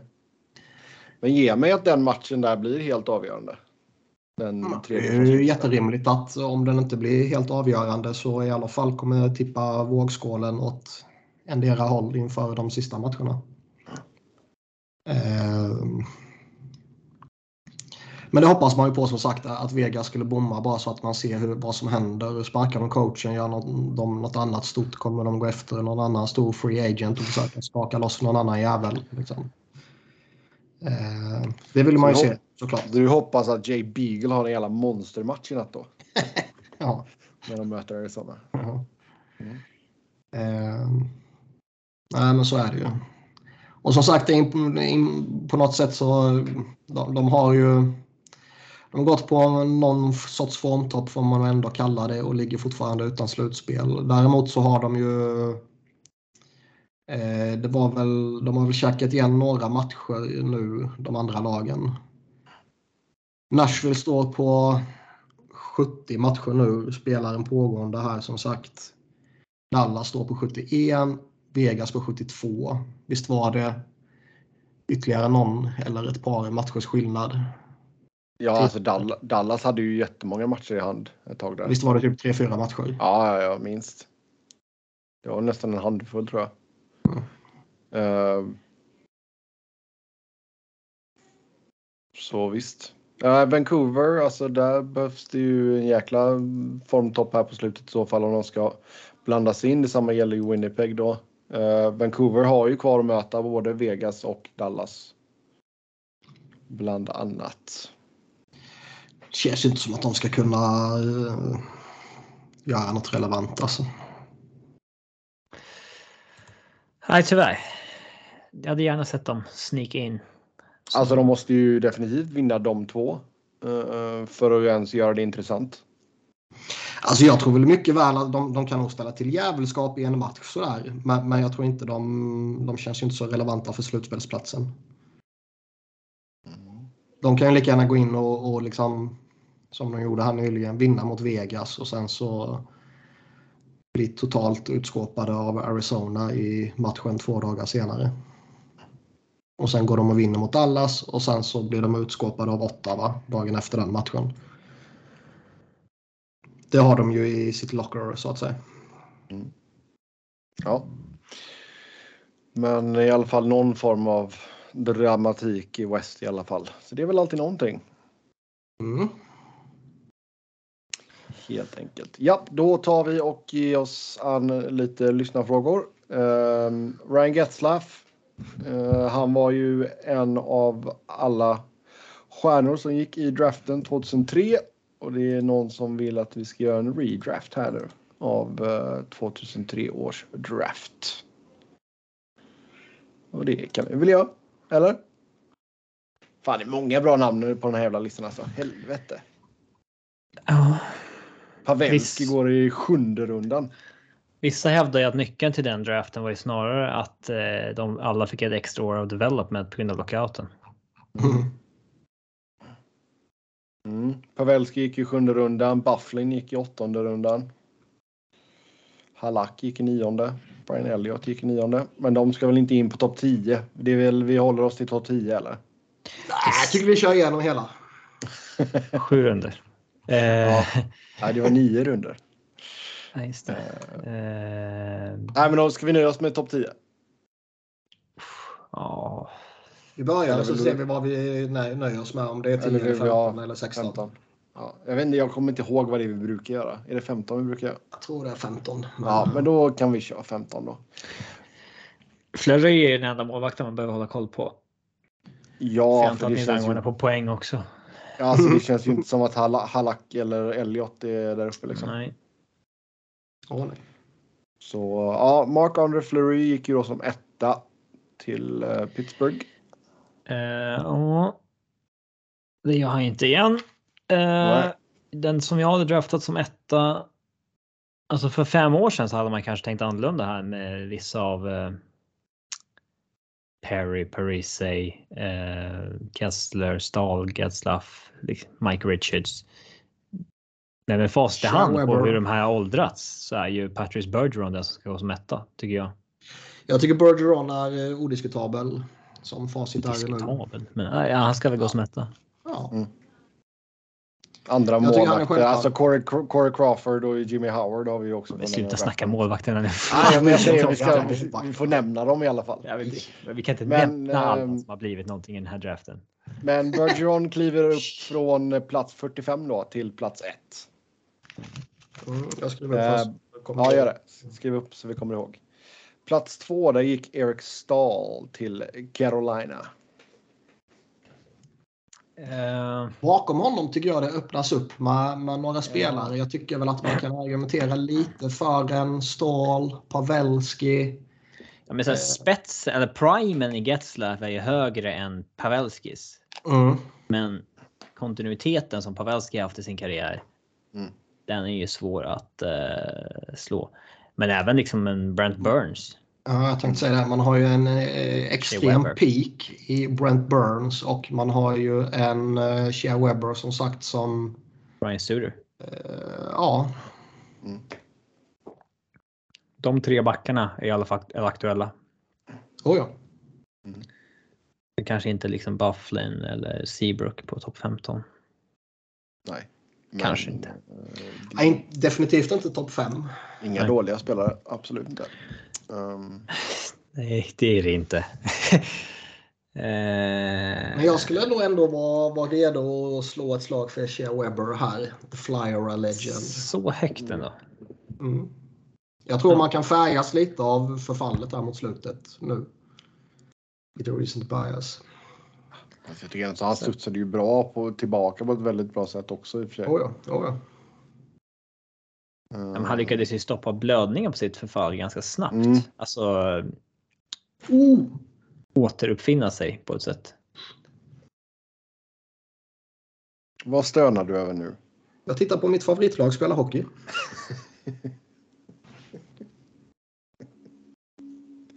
Ja. Um, köper vi Shea Webber där eller Robin? Ja, Då kliver Shea Webber in på plats två. Kliver upp från plats 49. det här är ju ganska enkelt. Killarnas karriärer är ju i princip summerade. Så det är bara vems karriär hade man valt till sitt eget Mm. lag om den liksom gjordes om i, Ja. idag. Eh, Trea där gick Nathan Horton till Florida. eh, Bergeron, Webber, sen kanske är eh, sen kanske det är Getzlaff ändå. Ja, Mm, den kan jag köpa. Kör vi Eh. Getzlaff på plats tre där då. Fjärde plats där gick Nikolaj Tjärdev till Columbus. Mm, jag tror han faller utanför topp 5. Ja, Han faller nog utanför topp 15. Fan, det är ganska tufft här. Alltså, det är ju... Alltså sån som Zach Parise har ju...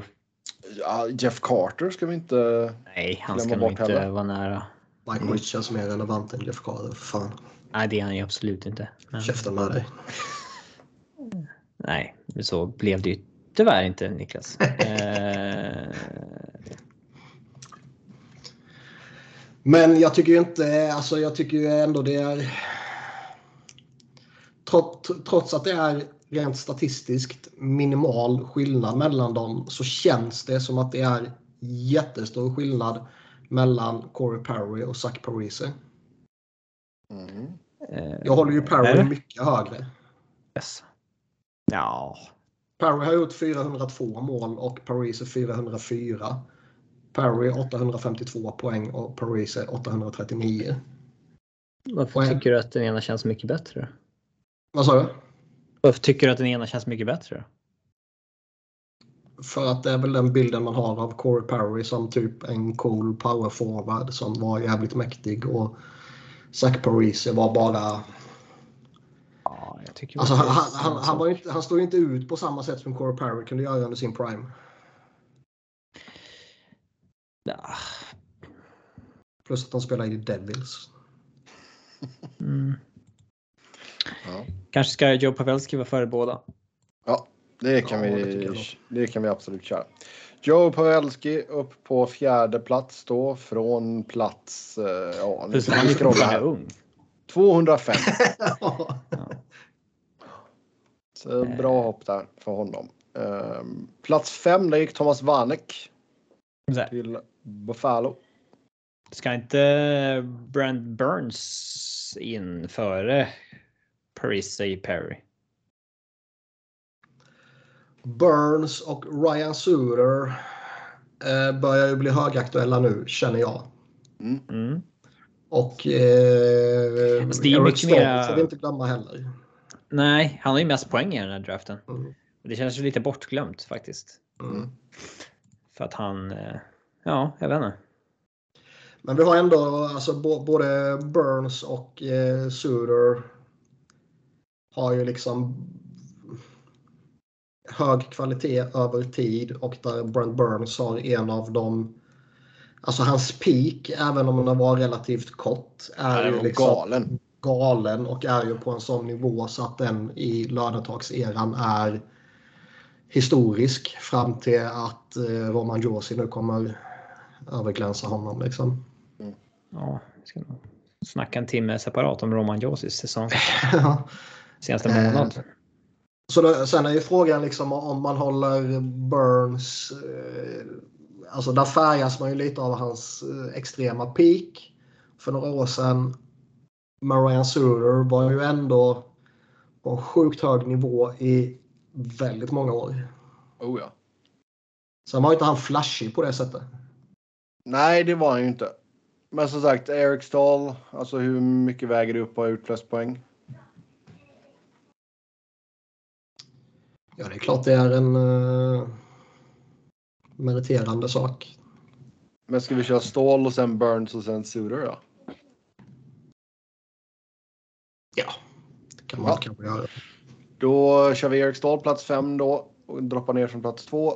Sjätte plats Brent Burns kliver upp några steg där från plats 20 och ersätter Milan Michalek. Och Ryan Suter stannar kvar på plats 7. Plats 8 där gick Braden Coburn till Atlanta. Mm. Rest in peace Atlanta. Jag trodde så Brian Coburn först. Va? Ja, nej, nej, nej. Han lever. Jag har missat någonting. Ja, Hans karriär. Ja. Men eh, ja, vad har vi nu? Vi har eh, Parry Parisi eller? Dustin Brown. Uh... Nej. Nej. Uh, ja, men Perry kan jag köpa. Han... Ja, som sagt, av någon anledning så håller jag honom väldigt mycket högre än priset trots att statistiken inte borde indikera det. Liksom. Nej. Men, uh... Brian Kessler då? Nej, han är samma honom... kategori. Ja. Inte riktigt än tycker jag. Alltså. Jag tycker väl att det är de här två och sen så börjar det bli bakom de två börjar det bli rätt svårt sen kan jag känna. Mm. Uh, men visst, Corey Perry då plats 8. Zach Parisi plats 9 istället för Dion Phaneuf. Uh, tia, där gick Andrei Kostitsin till Montreal. Vad vill vi peka in uh, Fleury? Det är väl här kanske. Vara, Bli av med honom. Det är väl här. Ja, tionde plats, Mark-André Fleury. Sopa. Uh, elva. Där gick Jeff Carter till Philly. Mm. Uh,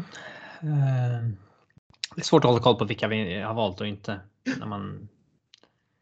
Uh. Men eh, vi har kvar... Det finns ett redraft tool på EP. Ja. Ja, det är fan, ge, där har kan vi lösa det till nästa vecka kanske? Så... Ja, det, uh, e-maila dem om det. Uh, nu har vi Mike Richards. Ja, direktkontakt. Ja, men ja, lös det. Därför till nästa vecka så. Ja. Mm. Uh, under draft center liksom, vad fan. Ja, lös. Är det en Fips? Eller? Nej. Nej, gör det. Nej, inte redraft tool. Nej, men det får de lösa nu helt enkelt. Chop chop. Computer nerds. Det säger, det säger jag med kärlek. Ja, uh, taskigt bara slänga in han. Mm. Nerds. Nerds. Ja, men Bruce Cassidy hyllade ju sina nördar förra veckan. Ja. Men nu gör vi klart den här. Elfte plats. Jeff Carter är där just nu. Vem vill vi byta ut honom mot? Mm. Mike Richards, Ryan Kessler. Ryan Kessler är ju mycket högre än uh, Mike Richards.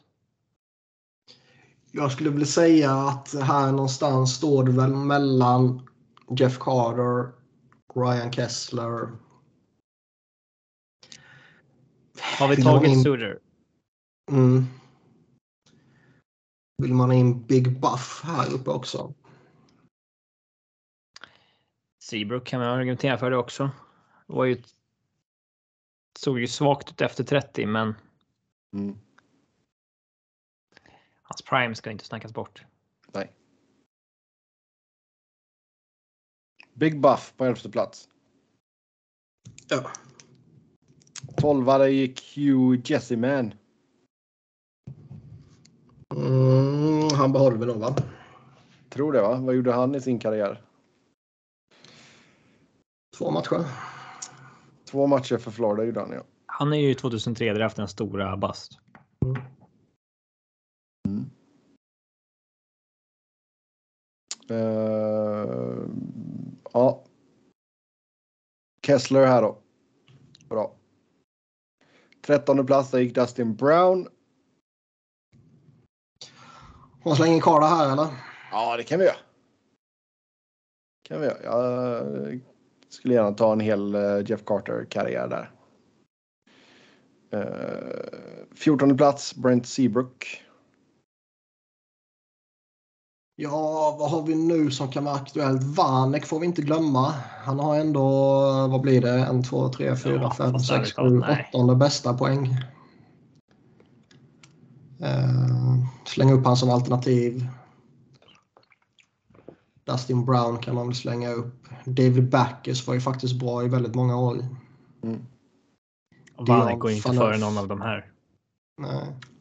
Då får då Dustin Brown. Han hoppar ner ett snäpp där.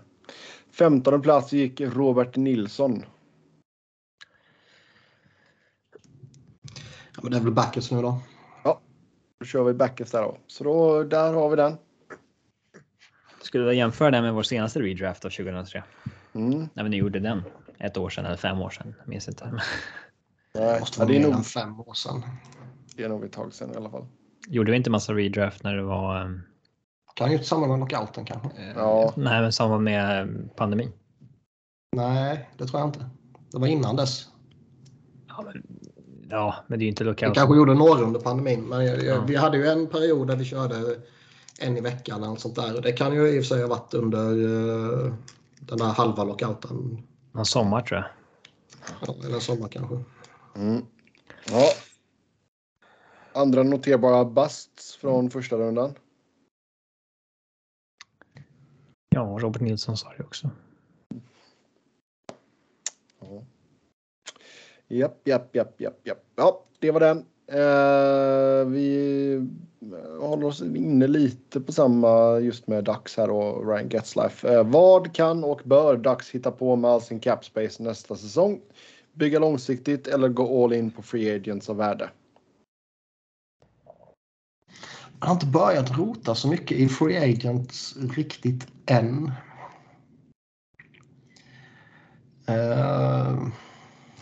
Men Det, är- det är alltid lite tidigt att göra det.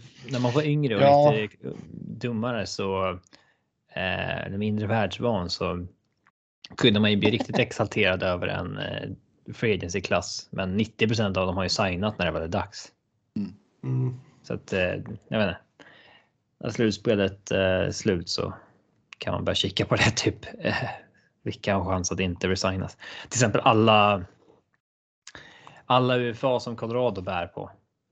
Burakovsky, Kadri, Nitushkin. Det är inte att alla de kommer hamna på marknaden.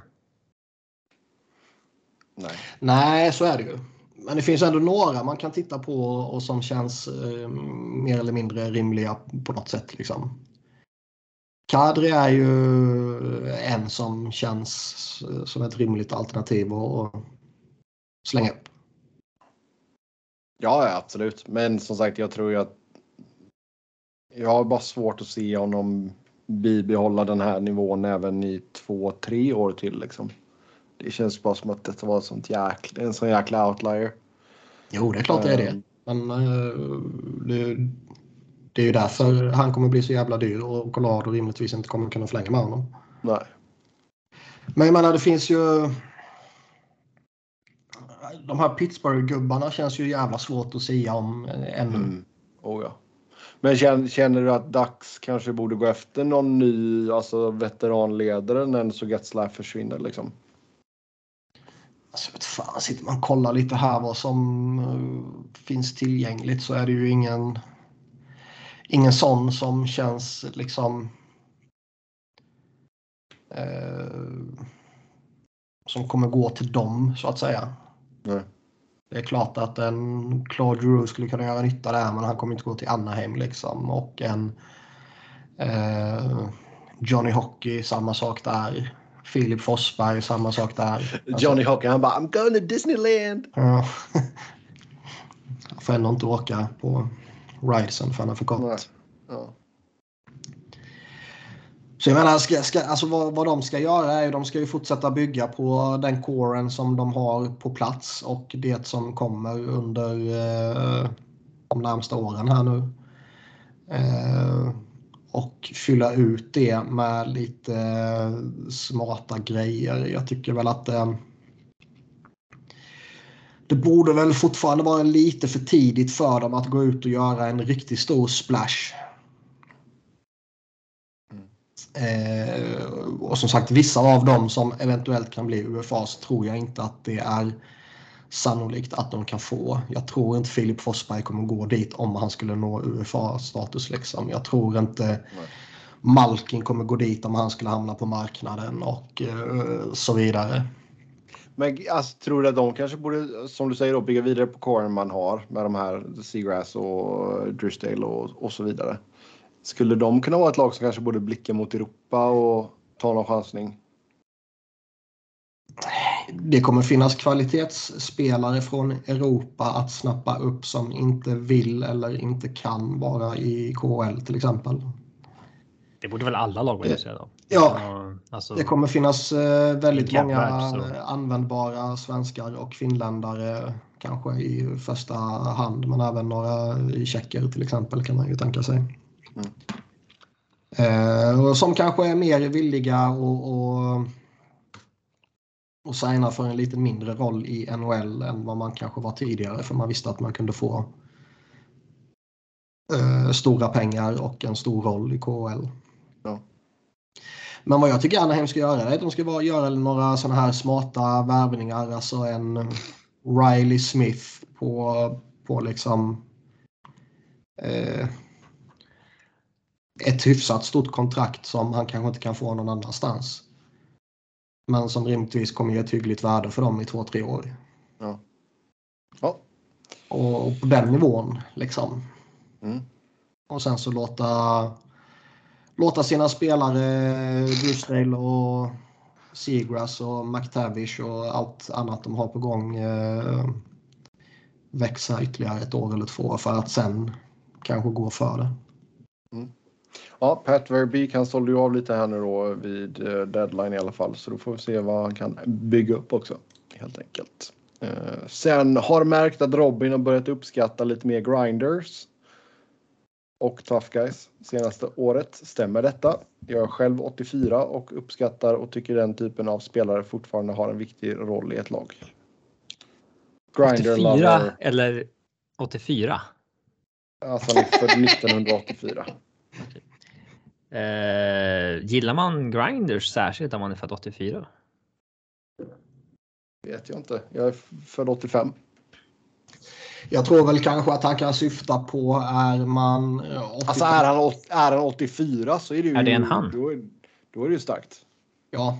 Eh, jag kan tänka mig att eh, är man 80-talist så har man ändå... Om man intresserade sig för hockey tidigt så har man ändå lyft upp med eran som var innan lönetakseran där det var lite mer... Grinders. Grinders och åt det Tough guys. Mm. Jag har inte börjat gilla grinders mer än tidigare. Så det kan jag inte säga. Ja, det så det här har, den här frågeställaren har helt enkelt eh, blandat ihop grinder med grinder. Ja. I fascination. Mm. Ja, sen... Minns ni ja. när jag brukade skriva upp eh, lite punkter i telefonen som jag ville att, att vi skulle diskutera? Nej. Ja, det gjorde du i typ två veckor och sen tröttnade du på det. mm. Jag har skrivit upp två grejer den här veckan. Ja, okej. Okay. Eh, Då går vi över först... till segmentet Robins telefon. Ja, det står det. Visst tycker man synd om domare när det blir en avvaktande utvisning som håller igång med en en minut så att de måste åka runt med handen uppe i luften jättelänge. ja, man, det händer ju inte jätteofta i, uh, i hockey att det blir så jättelång tid känns det som. Men man tänker ju på det när det händer. Fast stackars ja. domarjävel. Tänker man. Tänker det, det, är inte så, det är inte så kul att skata runt med en arm rakt upp i luften sådär. För de kan ju inte så här sega ner och liksom bara nej, nej, den ska vara... sitta som i en skolklass ja. när man räcker upp handen. Ja. Liksom. Alltså det, det är ändå lite skoj för typ hockeyspelare kan ju inte åka skridskor utan att hålla i en klubba. Nej, det är som Sune i Sunes ljud. Liksom. Ja, det kommer jag inte ihåg. Nej. Men de kan ju inte åka skridskor utan att ha en klubba i båda eller ena handen. Rimligtvis måste det påverka domare att åka runt liksom med en hand rakt upp bara. Det måste ju påverka lite hållning och balans och allting. Ja, jag kan inte åka skridskor så jag kan inte... eh... Men man, jag brukar tänka på det när det sker. Mm. Handbollsdomare måste göra det hela tiden ju. Ja, de är vältränade på det. Ja, de står ju bara. Alltså det är Jo, inte ja. runt. Nej, men jag tänkte bara liksom just själva bli trött i armen fascinationen. Men de kör ju det när de tränar vet du. De tar ju en vikt och så bara står de så. Ja. Bara armen tänker bara ni när de skakar gör, där eh, efter 10 minuter. Ni tänker på när de gör passivitetsvarning typ? Eller? Ja exakt. Mm. Den är ju bara i 10-15 sekunder med, i max. Och sen, ja, men eh, hela jävla tiden. ja, fast det är ju längden som är det jobbiga. Alltså när de tvingas hålla uppe liksom en och en halv minut. Eller en minut. Men det måste ju, alltså det borde ju vara enklare att göra det en gång så länge än att göra det hela tiden. Ja, Att hålla upp 10 sekunder är aldrig något problem. Det kan du göra 100 Nej, gånger. men nu behöver vi, vi behöver få in en hockeydomare och en handbollsdomare i podden helt enkelt. Och vet, nu har vi ju inte ens börjat nämna lacrosse ännu. Nej, jag tänkte säga det. Passivitetsvarningen där i lacrosse eh, är ju brutal ibland. Ja. Ja. De domarna har det tufft. Ja. Eh, andra grejen jag skrivit upp är. När kommer vi tvinga spelare att ha heltäckande visir eller galler? Det måste, alltså det kommer ju ske en dag. ja, det lär nog dröja ett tag till. För att för 40 år sedan hade vi inga hjälmar. Sen kom hjälmarna. Sen kom visiren. Och sen kom tvånget på visiret. Obligatoriska. Ja. Finns egentligen ingen anledning till att vi ska. Alltså spelarna växer ju upp med att spela med galler eller heltäckande. Det finns ju egentligen ingen anledning att ta bort det. När man säger nej, nu är jag redo att börja tappa tänder och eh, få frakturer i Det är ansiktet. när man är barn som man borde vara redo att tappa mjölktänderna bara. Mm. Ja. Men eh, alltså. Det kommer ju ske en dag. Det är Absolut. grandfathers in så att säga. Att Absolut. alla som kommer in från det här datumet måste liksom ha kvar heltäckande. Det är ju lite fascinerande ändå att. Det är bara en machogrej. Mm, Det hade ju eliminerat fightingen. det måste ju vara lite fascinerande. Eller det är ju lite fascinerande ändå tycker jag att. ehm, försäkringsbolag och sånt där inte ställer ännu tuffare krav på, på skydd och åtgärder, diverse saker. Till exempel ett galler eller liksom ännu fler eh, skydd eller ännu mer eh, värdering eller vad fan det skulle kunna vara. Det kommer ju krävas att någonting sker som triggar den där grejen. Jo, Eh, jag tänker. Eh, ni minns ju när eh, Matt Cook skar av hälsenan på Erik Karlsson och då började alla byta till kevlarstrumpor. ja, strumporna som inte går att skära liksom. Efter att Eugene Melnick satte igång sin eh, CSI-utredning. ja, men framförallt. Om man nu hade sådana strumpor. Varför, alltså, varför använder man inte dem innan? Jag vet, men det, det är den grejen. Och sen har det ju pratats lite om att eh, vissa coacher eller organisationer vill ju att eh, spelarna ska spela med eh, ett extra jag vet inte om det är plast eller vad fan det är, men ett extra skydd på skridskorna. För att, eh, ja, Ja, den här lilla grejen man trär på Fan. så att säga. ja, ja. Så för att det ska då ja, underlätta att ta, ta skott på foten liksom. Men, men man får ju inte tvinga spelarna till det enligt typ kollektivavtalet. Och det är typ obekvämt för spelare. Ja, alltså jag kan tänka, alltså de kanske är störande liksom. ja. Det vet man inte. Men det var ju visiret för somliga. Ja. De har spelat Eh, utan visir i, i 15 år och plötsligt få ett visir på, på hjälmen så kan det ju vara... Det kan jag haja. Ja. Det, det, det konstiga är ju att vi tillåter att man tar bort det en dag. Att nu kan du börja vänja dig med att spela utan. Ja, absolut. Det, det är det konstiga. Och så, det kommer ju krävas att någon. Det händer någonting. Någon eh, får hela käken avskjuten eller någonting av en puck. Alltså liksom Ja, verkligen. den bara trillar av, verkligen. Ja, eller. Eh, någon får ett skott som helt enkelt dödar någon. Träffar rätt i halsen på något sätt och krossar struphuvudet eller någonting. Alltså det. Eh, Jo, det, har men inte det skett i, det har inte skett i NHL, men det, det har ju skett i eh, Ryssland tror jag. Ganska nyligen va? Att Ja. dödade någon. Jag för mig. Ja, det är väl nå- något eller några år sedan nu va? Ja, det, ja, det är inte så Mm. viktigt som det var. Men Nej, eh, jag för mig att det hände för några år sedan. Skulle det skett i NHL så hade ju det varit en annan. Eh, det hade ju skapat en annan grej snabbt. Oj, ja. Får man ens gå in i NHL med heltäckande visir det nu om man vill? Jag antar det i och med att du eh, får Alltså, spela med det om du får ett skott varje om match. Och, ja. Mm.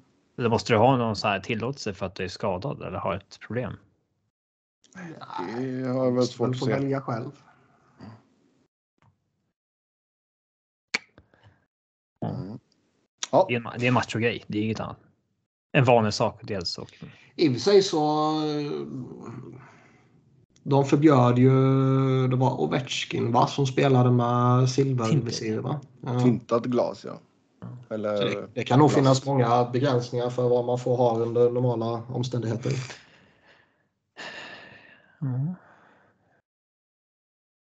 Ge mig tintat glas, det gör väl inget. Ser coolt ut. Eric Weinrich, den gamla backen, han spelade ju i gult typ. McKinnis hade väl det också ett tag? Jag minns inte. Jag har för mig att Weinrich hade det för någon form av... Jag tänkte säga någon form av synskada. Ja, något sånt. Mm. Ja, det låter ju vettigt i och för sig. Färgblind. Som man har Tving, här, Tvinga spelare att spela med glasögon på. Ja, ja, nästa fråga här. Det är någon som tänker på Florida. Vad anser ni är det tydligaste bidraget till att Florida blivit en contender? Eh, Quenville? Frågetecken. GM? Frågetecken. Ägarna? Frågetecken. Vad har liksom ändrats? Laget är ju helt plötsligt massivt. Trots att det här är mitt favoritlag så har jag eh, väldigt dålig koll på liksom ägarstrukturen och hur den ser ut. Vart är Simon Strömberg när vi behöver honom? Mm. Det är en bra fråga för det är egentligen inte så mycket som har ändrats. Ekblad är Alltså kvar. väl... och Barkov och Alltså Quenville kom väl in och satte sitt system och det har funkat jävligt bra och sen har man bara kört på med det nu. Ja, det är väl rätt mycket som har eh, ändrats med, med, liksom på kontoret och i, eh, som, som Sebbe sa med, med Quenville. Jag tror ändå det, alltså det var ju lite, lite skakigt var det ju där när de bytte GM lite titt som hett och så sparkade de ut Talon och så kom Talon tillbaka och bara genom att sätta in någon lite mer progressiv och nytänkande och, och modern snubbe efter Talon kan ju skaka om rätt mycket. Och det positiva. Och eh, Bill Cedar framstår ju onekligen som ytterst kompetent och Väldigt man vettig. är ju jävligt irriterad på att Flyers valde dåren Chuck Fletcher istället för Bill Cedar. Mm. Ja, han har gett ett väldigt gott intryck. Um, sen är det klart att det, det hjälper ju. Alltså Barkov har ju vuxit fram och blivit en av ligans bästa tvåvägsspelare. Liksom. Alltså jag tror ju det, innan. Jo, men jag tror ändå att hu- huvuddelen är väl att man ändå har liksom man har fått Barkov och Huberdeau och Ekblad som är en otroligt stabil trio att bygga på. Liksom. Det är ju det som lägger grunden för det man gör på isen ändå. Sen kan man ju credda GM och scouter och assistant GMs och coach och så vidare för lite omgivningen runt omkring dem och system Ja, ja, och hela Alltså skiten. där, och jag menar, där har de ju träffat helt rätt med Bob, bröderna Sam tänkte jag säga, men Sam Reinhardt och Sam Bennett. Och liksom Ja. Anthony, du, Anthony Duclair har ju fan liksom, han har 28 mål på 63 matcher. Och Claude. Och nu kommer Claude in som någon gubbe. Det är maskot här. Rö, rödtott. Någon maskot inför slutspelet. Exakt. Och så har du Florida Man i uh, Thornton. Mm, nej, men det är en fascinerande organisation. Och som sagt ägarstrukturen. Fan, jag kan knappt komma ihåg att man ens har hört något om deras väl, eh, ägare. Liksom. När de skulle signa Bobrovski och Panarin så Mm. hänvisades väl till att de fick fria händer att spendera satan. Mm. Japp. Men det kan ju vara mycket mer än att ja, ni får spendera upp till capen som är, det är en del av ägarskapet. Hur mycket man lägger sig i det dagliga och sånt där. Och... Sen kan man ju säkert förbättra saker som ägare också. Att liksom saker som vi inte ser med sporten. Hur man marknadsför sig i communities och sånt där och får folk till arenan och hela den biten. Ja, liksom. Uh... Oh. Nej, men hur man även liksom hur eh, fan träningsanläggning och faciliteter runt omkring och hela det köret. Ja, det har man ju ingen koll på om man inte följer laget liksom. Och det kan nog ändå vara en viktig del i, i, i liksom ju mer man kan underlätta och professionalisera hela organisationen desto bättre kommer det bli såklart. Eh, och sånt är ju svårt att hålla koll på om man inte liksom följer laget över tid såklart. Men eh, ja, väldigt spännande organisation. Ja, sen eh, vad tror Robin om Djurgårdens chanser att ta steget tillbaka till SHL redan första året? Passa på att fråga här. Jag tycker han har bra koll och skriver väldigt bra saker om Va? just Djurgården. Alltså vad är det här? Robin har skrivit in själv här. Har du skickat in från ett burner-konto här? Det är inte jag som har lagt in den i körschemat. Nej. Nej, men det kan jag skrivit från ett hittepå-konto ändå. Eh, men grejen när man åker ur SHL då får man ju fallskärmspengar från ligan på 6 miljoner. De är ju, syftet med dem är ju att du ska typ kunna behålla organisationen runt laget. För att alla kontrakt drivs ju när man åker ur. Mm. Men det blir ju inte det pengarna används till. Utan de används ju till att toksatsa ett år för att gå upp direkt. Mm. Eh, så att det är väl kanske lite skevt. Eh, nej, men alltså man måste ju satsa för att gå upp år direkt i och med att då har man mer pengar än man har år två. Eh, mycket mer. Och, ehm, jag tror att man har större chanser om HV går upp i år för deras budget kan man inte, kan, kan man inte mäta sig med i Hockeyallsvenskan.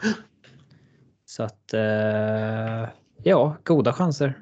Jag gillar också hur det är nu att ehm, Såg att det gnälldes lite på det nu när Djurgården åkte ur från vissa Djurgårdare, men jag, jag, tycker att det är ett ganska schysst system att eh, de två som kommer sist i NHL spelar den bästa av sju, den som torskar den åker ur. Och Hockeyallsvenskan spelar ett traditionellt slutspel. Den som vinner slutspelet går upp. Så ja. du får ett lag ner, ett lag upp varje år. Eh, jag tycker att det är ett ganska schysst system. Jag gillade inte som det var förut med att de två som kommer etta, tvåa ska spela en hockeyallsvensk final och den som vinner ja, den, jävla den ska möta... Som var, som var de sista åren var ju helt absurd ju. Ja, den som vinner den ska möta ett av SHL-lagen och sen så Eh, den som torskar den går vidare till liksom andra chansen. Mm. Där man spelar en minikvalserie med lag 2 till 6 eller lag 3 till 6 och sen den som vinner den ska då möta andra SHL-laget sen. Alltså det. Ja. Det, Nej, det var, ju patetiskt. Det var ju för krångligt. Det gick ju inte att hänga med liksom. Ja. Jag, Men, jag, jag, tycker eh, om det som det är nu. Liksom. Framförallt mm. att man spelar bara ett heligt slutspel i Hockeyallsvenskan. Den som vinner det går upp. Man måste inte kvala mot ett SHL-lag. För vissa säger det att ingen ska åka ur om det inte är något lag från Hockeyallsvenskan som är bättre än dem. Men å andra sidan. Äh, jag gillar att det är ett lag ner, ett lag upp varje år. Alltså det, det minskar ju då avståndet mellan SHL Ja, det var ju lite snack när de införde det här att man liksom man tog bort möjligheten för två lag att gå upp. Men i, i utbyte fick man ett garanterat lag att gå upp. Däremot så köper jag absolut inte det som vissa. Det kommer ju mest från fotbollssupportrar kanske, men de som säger att vinner man serien ska man gå upp. Det finns ju en annan, alltså det, Hockey, det är två helt olika, kult, ja exakt, det finns två olika, olika kulturer inom fotbollen och hockeyn där. där mm. eh, det är ju bara de eh, kupperna liksom, där det är ett slutspelsträd. Mm. Turnering liksom. Eh, ja. En liga där är en helt annan grej än vad en liga är i hockeyn. Där finns det en slutspelskultur. Så det, det tycker jag... Hockey är en slutspelssport, fotboll är det inte. Ja. Om det inte är en turnering. Liksom. Mm. Ja. ja, det var några år sedan man körde SM-slutspel i fotboll. Det är bara att tänka på hur brutalt tråkig NHL skulle vara om vi inte har ett slutspel. Ja, herregud. Mästaren koras ibland med 20 matcher kvar kanske. Mm. Japp. Ja, Det var väl sen, överdrivet i sig, men eh, ändå. sen ska man spela 16 matcher kvar. Ja. Träningsmatcher efter det. Ja. ja. Eh, ska vi se, nästa här. Av erfarenhet från lyssning vet jag att ni har en något restriktiv inställning till tröjhissningar. Med rätta om ni frågar mig. Nu är det Niklas som har skrivit in. Eh, med detta sagt, vem slash vilka av följande Red Wings-spelare förtjänar att få sin tröja hissad i taket? Fedorov, Datsuk, Zetterberg. Alla åker väl upp förr eller senare. Det tror jag nog också. Eh, Bord, om, om Sergej Fedorov var så uppenbar som det kanske känns att han borde vara. Borde han inte redan varit uppe då? De missade ju Red Kelly här om året. Han har ju inte väntat i 40 år. Ja, Mm. i och för sig. Men, Eh, men Lidas var ju, om man tar mer moderna, så var ju Lidas den senaste. alltså, Det var väl rätt många år sedan nu va? Ja, Han fick rätt fort väl? ja.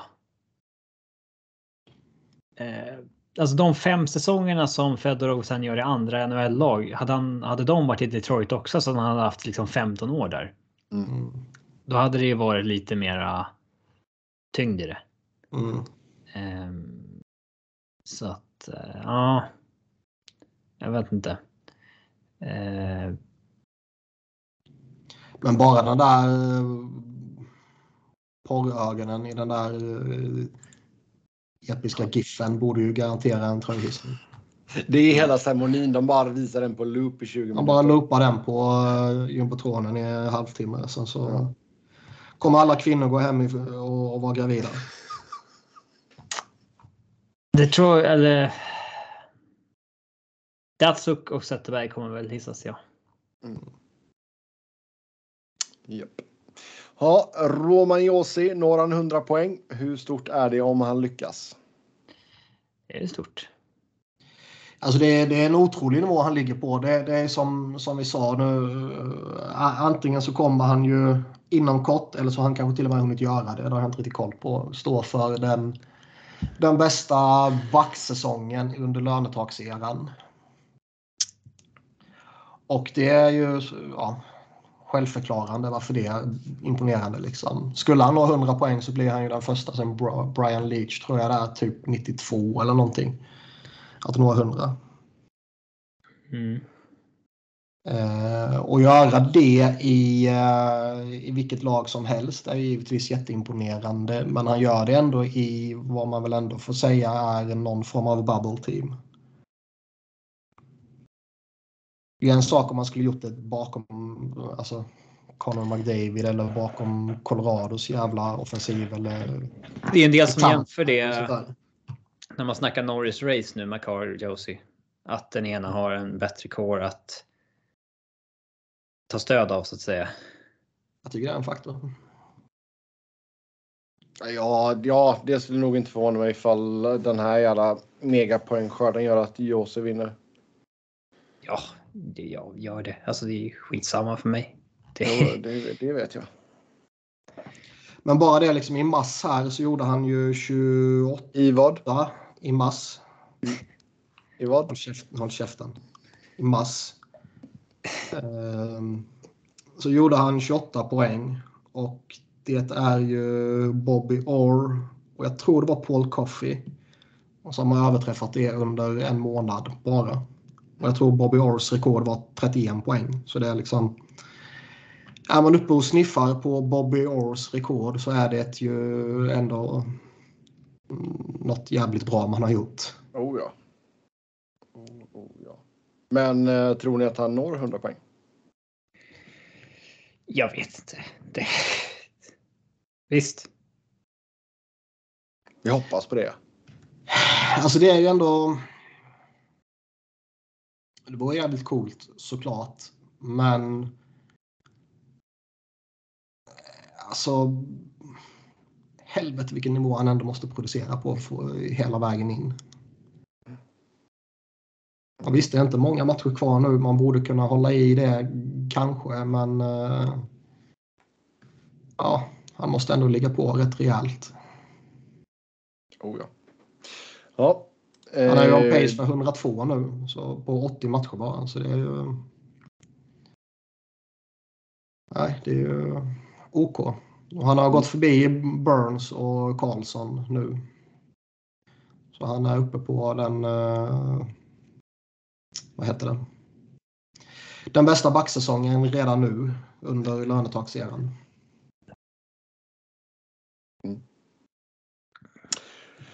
Ja, eh, då ska vi se. Har ett lag utan en uttalad kapten vunnit kuppen och vem i Rangers lyfter bucklan först?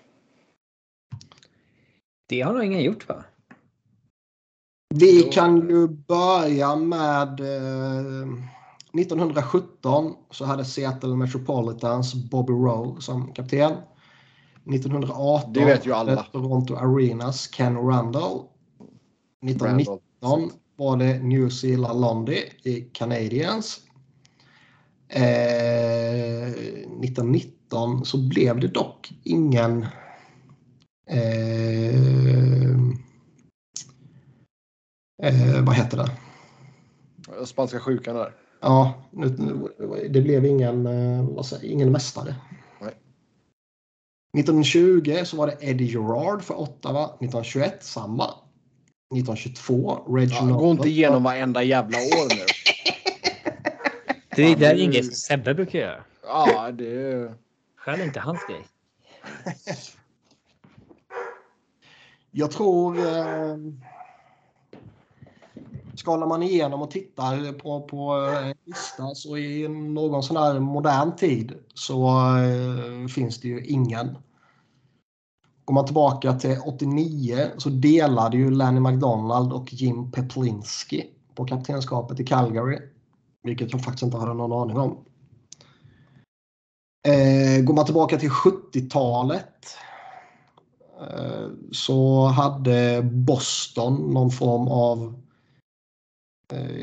om det var roterande eller om det var liksom att man bara körde med assisterande kaptener. Det är väl lite oklart. Men de, Kör de, de en, en, sån här en månad var-stuket då? jag vet fan. Men de snurrade på, på ett gäng där när de vann vid, vid två tillfällen.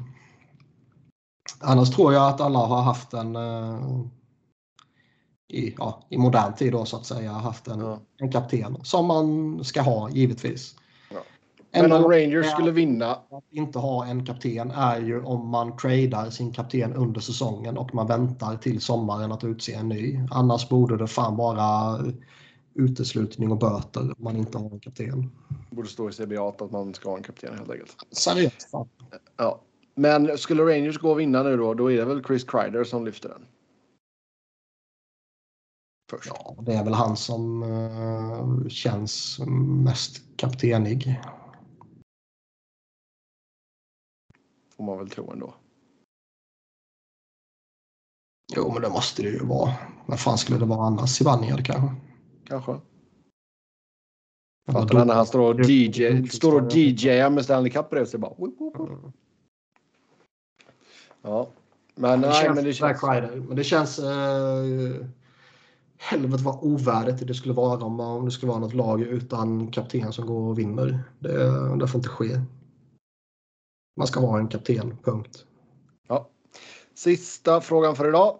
Prata lite om hur viktiga Crosby och Ovechkin har varit för ligan efter lockouten. Eh, jag fick en tweet här också från Patrik. Eh, Ovechkin har 1400 poäng. Crosby har 1397. Ehm, bland spelare som kom in i ligan efter 92-93 är det bara Joe Thornton på 1538 poäng som är före de två. Ehm, och då så står det med den här tweeten att this sport put entirely too much pressure on them when they were teenagers and they've still exceeded expectations. Alltså rivaliteten de två emellan känns ju väldigt framtvingad. Ja, men det har ju varit mediadrev under alla år på liksom. Ja, Det har varit ett mediadriv och det har varit någon, något, ändå någonting från, eh, alltså även centralt från ligan som har försökt bygga någonting där. Och det är väl klart att det, det Ja, blir det kan man väl liksom, köpa. det blir, jo, det blir väl någon naturlig del givetvis att det, att det, det blir liksom en, ehm, en, eh, en naturlig kamp mellan två spelare som eh, ja, oavsett om de draftades samma år eller om de draftades med ett eller två års mellanrum men liksom som ändå tillhör samma generation i stort. Som går upp mot varandra och som ja, möter varandra titt som tätt och så här. Men mm. eh, rivaliteten känns ju mer som en skapad rivalitet än något som har vuxit fram. Ja, men alltså, du vill ju ha något sånt. Jag menar, du, det var väl samma lite i alla fall under några år, liksom Gretzky mot Lemieux. När det ändå är två sådana otroliga talanger. Jo.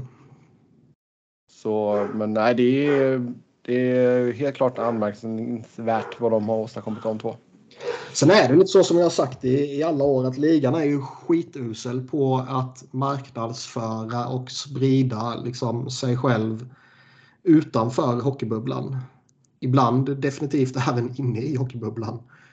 Eh, helt plötsligt så eh, ska det spelas en, en utomhusmatch som man inte visste om typ förrän två timmar innan den spelas. Trots att man följer ligan jättenoggrant. Eh, och Crosby är ju givetvis en jätteduktig hockeyspelare men det är en sjukt tråkig personlighet. Det går ju inte att marknadsföra honom som liksom... En... Nej men då, och då, och jag menar, och då tycker jag ändå så att Crosby är bättre än McDavid. Ja, ja. Men, men alltså, man, man, kan ju, man, kan ju marknadsföra den, den liksom bästa hockeyspelaren givetvis. Men Crosby är ju han är inte flashig på det sättet heller.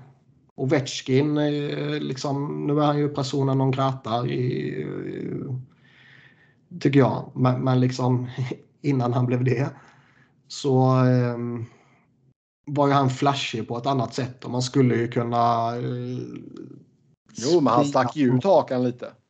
Ja, men liksom man skulle kunna sprida honom med några av liksom, alla de sjuka målen han gjort och så skulle man kunna sprida på ett annat sätt än en Crosby som bara är genuint skitbra på allting och, och liksom gnugga på på ett annat sätt. Eh, det är lite det jag liksom syftade på också när vi pratade lite om Trevor Seagrass där att det är ju hans sjuka grejer som måste vara det som är det absolut viktigaste för ligan att lyfta fram. Om, om man har ambitionen att växa. Ja, Men det har man kanske inte. Jo, det är klart de har. Ja, ibland undrar man. Jag vill ju fortfarande hävda att deras eh, mest välkända profil och mest marketable profil i hela ligan är Gritty. Fler, fler folk i Nordamerika som vet vem och vad Gritty är för någonting. Som Ingen vet som vet vad han är. Det är extremt oklart vad han är. Nej, nej, men liksom maskot för ett hockeylag. Ja, jo. Eh, ja. 100% övertygad om det. Ingen kan få mig att tro något annat. Nej. Ja, ja. Men han kommer ju undan med grejer också. Han kan ju mona och det är inte alla som kan mona vet du. Alla kan. Alla kan, men det, då kan det bli eh, rättsliga efterföljder. Jag monar just nu. ja, med den hemska mentala bilden så tar vi och säger tack och gör för den här gången. Som vanligt ska ni köta hockey med oss via Twitter. Mig hittar ni på att Noren, Niklas på att Niklas Wiberg, Niklas med C, Wiberg med enkel V, Robin på R underscore Fredriksson, podden på SV Fans NHL-podd, podd med ett D. Tills nästa gång, ha det gött!